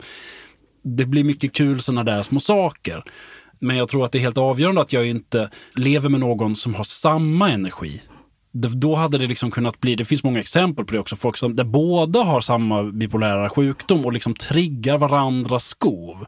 För det är väldigt lätt att liksom ryckas med i ett, ett så uppvarvat tillstånd till exempel, eller ett sänkt tillstånd. ser jag tillbaka så finns det förstås väldigt mörka tider som är då det inte har varit lätt. Och det är tungt att tänka på. Har du något men, exempel? Nej men alltså det har varit så mycket, alltså, under den tiden innan jag hade slutat dricka så var det ju ett, det var så mycket ständigt smusslande och så här vardagslögner hela tiden. Och för att kunna fortsätta dricka. Att liksom, när jag får då liksom höra att, men varför sitter du där och dricker öl? Det är en vanlig onsdag eftermiddag. Jag tycker inte om att se att du dricker öl. Och mitt svar var att det är en folköl. Jag tar en folköl, det påverkar mig inte ett dugg. Kolla här, det är en 3-5. Gå och kolla i kylen. Det saknas en öl i det sexpacket. Du kan kolla själv. Och grejen var ju bara att varje ny öl som jag tog hämtade jag i en gömma på ett annat ställe. Så att det förblev fem stycken i det där sexpacket jämt. Men jag gick ju igenom öl efter öl efter öl. Den typen av såna här sluta larva dig, allting är precis som det ska. När det bara var ett, en omtanke om mig egentligen. Och det där är ju, alltså, alltså jag skäms inte över sjukdomen, men jag skäms över en del jag gjort. Sådär. Och som ja, jag försöker, jag försöker förlåta mig själv för ungefär. Men oftast så skulle jag säga att alltså väldigt sällan har det varit andra som har kommit i kläm när jag har mått dåligt. Det är jag som har gjort det. Alltså det är, jag har ju bara varit arg på mig själv när jag har varit arg och frustrerad. Jag har liksom aldrig någonsin varit våldsam mot någon annan eller någonting. Utan då har jag bara slagit på mig själv. Det tycker jag är viktigt och det är så viktigt att komma ihåg för den som lever med någon som har en diagnos. Att alltså våld eller hot om våld eller ett aggressivt beteende i tal eller i, i agerande är liksom aldrig acceptabelt. Oavsett diagnos så är det aldrig acceptabelt och måste liksom tas på allvar och finnas ett absolut förbud mot. Det spelar ingen roll vad det är för diagnos. Det går, man kommer aldrig komma undan med det. Utan det är liksom en solklar röd flagga om någon är aggressiv. Och det kan ju vara då liksom att men, det här är någon som behöver omedelbar vård. Mycket hellre ringa 112, få någon tvångsinlagd, än att det är någon som är våldsam till exempel. Att tveka inte att liksom tillkalla akut hjälp om det behövs. Och att verkligen ifrågasätta att stanna kvar med någon som visar sådana våldsamma tendenser. Den personen måste ju verkligen komma förbi det innan det kan vara, kunna gå att leva med den här människan. Men det är ingenting som jag själv har egna erfarenheter av. Och jag vet ju också att det inte på något sätt är så enkelt som att lämna bara. Det finns så mycket mer i det där, det är superkomplext. Men jag vill ändå bara säga det, att det är en diagnos, även om det är en allvarlig diagnos, är det aldrig en ursäkt för ett våldsamt beteende eller hotfullt. Nej, exakt. Det är bra. Men jag tänker här, om jag tittar, jag måste faktiskt bara jag reagerar över ditt ja, CV som jag sa innan, som jag inte ens hittar här. Men du har gjort så himla mycket. Tänkte bara avsluta ja. med det. Och jag tycker det är för att har du fler timmar på dygnet än vad... Alltså det, det är många som säger att det inte borde gå. Nej. Alltså för att det är ju... Ja. ja men jag, om jag, får jag bara gå igenom det? Jag vet inte vad det är du har där. Nej, men vi får se här. Och du har säkert mer än det här. Men regissör, föreläsare, manusförfattare, skådis, producent och nu har du skrivit en egen bok som du ska få berätta om strax. Eh, du har studerat media, ljuddesign, radioteater, musikvetenskap och du är ambassadör för Mind, mm. vilket du är väldigt engagerad i, ja. vad jag förstår. Ja. Jättebra. Och ditt Instagramkonto som du nu alltså lägger upp hur mycket som helst. Mm. Jag tänker på det du sa precis. Ja, men jag är nog inte en tråkig person att leva med. Eller vad du sa. Nej, det är ju fullt ös. Alltså. Så att inte tråkig att jobba med heller kan jag tänka. Nej. Nej ja. Ja, men det har ju varit eh, jämt ett, eh, en kreativitet. Det har ju varit eh, alltid. Och den kreativiteten, alltså från att jag var liten, men att den kreativiteten får sig ofta en skjuts när jag liksom är uppe i varv. Då levererar jag ännu mer. Så att jag har ju liksom varit på alla möjliga fronter där. Liksom, med, men, skriva och mm, producerat musik och liksom komponerat och mm, målat och mm, skådespelat och alla möjliga jag har inte sjungit, det har jag fortfarande kvar. Men annars så har det varit det liksom i väldigt många olika, såna, olika sätt. Tror du inte sången kommer komma efter? Nej, Nej. Det, ja, men du, det, vet, det kan jag inte svära på. Det skulle förvåna mig jättemycket. Men att det har varit både liksom, men, inom ja, men, film och konst och musik och sådär så har jag liksom varit på det. Och just det, jag kunde ju inte sy. Men det fick jag ju lära mig då när jag kom på att jag ville sy kläder till den här lilla apan. Så då blev det det också. Men det, alltså det är inte som att jag, jag kan inte leva på att sy, det är inte så jag menar. Men mitt jobb-CV har ju gått igenom väldigt, väldigt många olika positioner. Sådär. För att jag hela tiden har hittat nya saker som jag skulle vilja. Och i nuläget så är jag ju då creative director eller liksom eh, kreatör och någon slags kreativ chef på ett produktionsbolag. Där jag hittar på nya idéer till reklamkampanjer och sånt där, skriver manus, regisserar. Ibland står jag framför kameran. Och sen så då samtidigt som det här så har jag ju då mitt Instagramkonto som skulle kunna vara ett heltidsjobb. Och så har jag då skrivit en bok nu också. Ja, och då fick jag ju faktiskt lite du fick några utdrag. titta på den lite igår. Ja. Det var jättespännande. Jag bara, kan man inte få lite mer? Ja, men, men jag är tacksam för det jag fick. Ja, men du kan få mer. Men det var ju, alltså den här finns ju inte än. Nej, den här boken är ju, jag ska få ett första utskrivet exemplar imorgon på ett förlagsmöte. Så jag skickade bara lite skärmdumpar där. Men, men den, den heter Upp och ner, en överlevnadshandbok för bipolär sjukdom. Ja. ja. Och, och den, den, kommer... den kommer i slutet på oktober, jag tror den 26 eller något sånt där. Och eh, på Bonnier Fakta. Och den boken är en bok som, jag skrev en bok som jag har saknat. Och det visade sig att även inom läkarskrået har den saknats. Därför att det behövs för mig och för den här min vän som inte klarade sig och för många andra så har det behövts en bok att sätta i handen på den som har fått diagnosen. Den som har fått det här beskedet får idag så lite med sig. Alltså man får det här beskedet att det här är livslångt, det är potentiellt dödligt, vi har en självmordsfrekvens som är någonting på en av fem som slutligen tar livet av sig. Det är en superfarlig sjukdom, varsågod hem och ha så kul. Alltså att skicka hem någon som dessutom ofta är djupt deprimerad i det läget när man har fått diagnosen precis. För de flesta får ju diagnosen när de är antingen väldigt uppvarvade eller har kraschat. Och i det läget så måste det finnas någonting som är begripligt och hoppingivande och faktaspäckat men på ett sätt som går att ta sig igenom i det läget.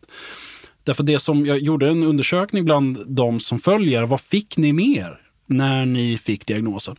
Och en del fick bra respons. De fick liksom, men här är tips på saker som du kan läsa. Om du letar upp de här böckerna så kan det finnas bra grejer. Men framförallt, kom tillbaka. Nästa vecka så börjar du en patientutbildning och en anhörigutbildning och så ska det vara. Men det var en liten, liten minoritet.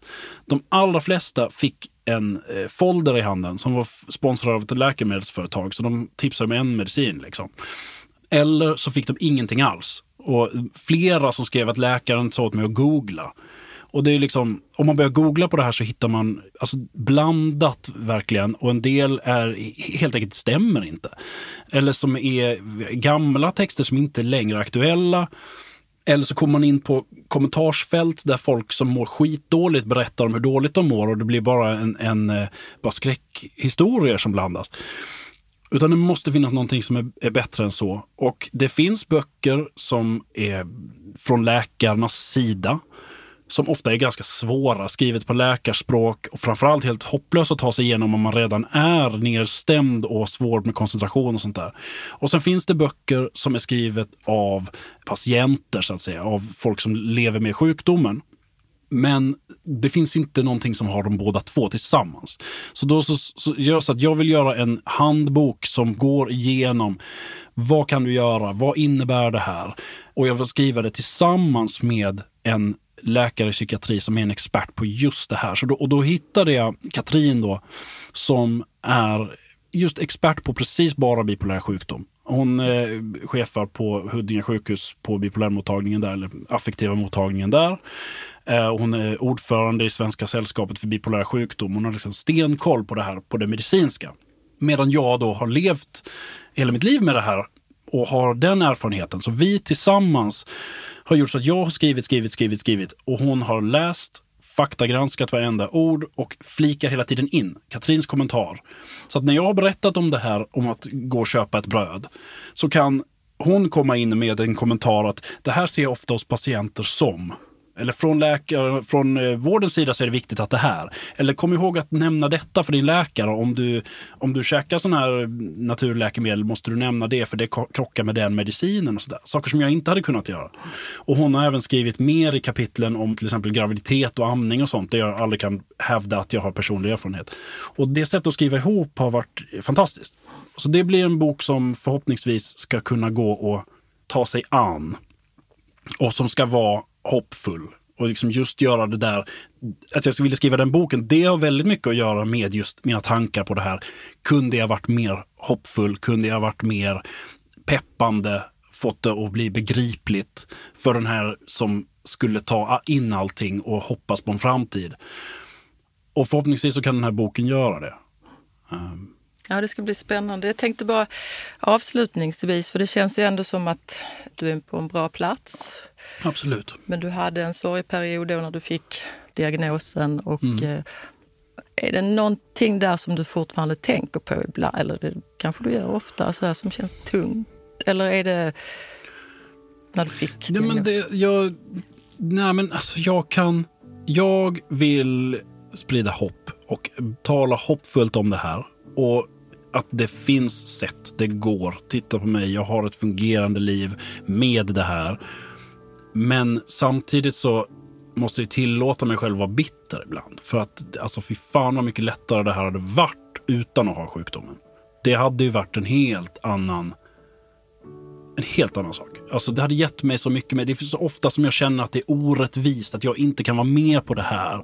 Att jag inte kan följa med på den här konserten för den är klockan 11 på kvällen. Jag måste leva efter mina rutiner. Jag kan inte smaka på det här vinet som de har. Jag kan inte göra det här, jag kan inte göra det här. Och det där, det kan göra mig frustrerad. Och inte minst den här vaksamheten som jag måste gå runt med. Att hela tiden vara på min vakt och reagera på mina egna känslor med en skepsis och vara min egen psykolog hela tiden och bara varför känner du så här? Och att reagera så när man känner sig glad. Det är tungt. Tankarna på ärftlighet är tungt. Tankarna på att det är så många av oss som lever i det tysta med det här och som går och kämpar utan att ens ha någon att berätta för om det. Och jag är fullständigt medveten om att det här var en mycket lättare sak för mig att avslöja än för många andra. Även om det var supertungt och jag, jag var så jävla rädd när jag berättade om att jag hade det här. Så jag befinner mig i en, liksom en kultursfär av folk som ändå pratar om någon slags mjuka värden och känslor. Det är som en estetisk verksamhet och sådär. Och i en del av men, kultursverige där man pratar mycket om jämlikhet och tolerans och eh, mot machokultur och sådär. Alltså det finns så många som har den här diagnosen runt om i Sverige som lever i en mycket mer utpräglad machokultur till exempel. Där det är helt otänkbart att som man överhuvudtaget uttrycka känslor som är något annat än att man är eh, glad, arg eller kåt ungefär. Och sen också folk som lever och växer upp i att man har till exempel en kultur eller en tro som visar att det här är helt otänkbart. Därför att den här, till exempel vår religion säger att detta är ett straff mot dig för dina synder om du har det här. Och därför kan man inte berätta för ens sina föräldrar. Och jag får höra så mycket sånt här av folk just på Instagram. För det, har ju, jag, det pågår hela tiden en diskussion i mina direktmeddelanden med folk, det som inte syns för andra. Men jag har hört så mycket om folk som växer upp med både inom frikyrkan och med islam och som har jätteproblem med att ingen får någonsin veta vad det är för jävla tung ryggsäck jag har som jag måste bära på. Utan jag måste lyckas, förutom att fixa det här livet med de, de sämre förutsättningarna, så måste jag dessutom göra det utan att någonsin visa det. Och det är väldigt, väldigt orättvist. Ja, det finns mycket att vara frustrerad på, men jag, jag tänker att jag försöker se till vad, jag, vad kan jag göra. Ja. Därför att det där, alltså, som att driva på spridningen av, av den här upp och ner symbolen till exempel. Den kan hjälpa den där killen från frikyrkan som inte kan prata med sin familj. Eller den där, den som inte kunde prata med sin familj av en annan anledning som kan se bara någon på campus som har den där på sin ryggsäck och våga ta upp samtalet. Liksom. Det finns många, jag, många som är tacksamma för att du vågade. Och mm. jag tror att många fler kommer våga och att du ska fortsätta det här. Det är superbra. Ja, jag slutar inte nu. Nu har Nej. jag liksom... Vad jag än hamnar i, för jag kanske jobbar med något helt annat om några år. Jag kanske har blivit skomakare. Liksom. Jag har ingen aning vart det här kommer ta vägen, men detta kommer jag fortsätta med. Eller så kommer du fortsätta sy de här... Eh, klän, eller vad var det? det, det, ja, men det ja, små dräkter. Mm, det Det kan var vara nästa och sjunga. Henrik, tack så hemskt mycket för att du kom hit Ja. och öppnade upp och berättade din historia för mig och lyssnarna. Tack, tack. ska du ha.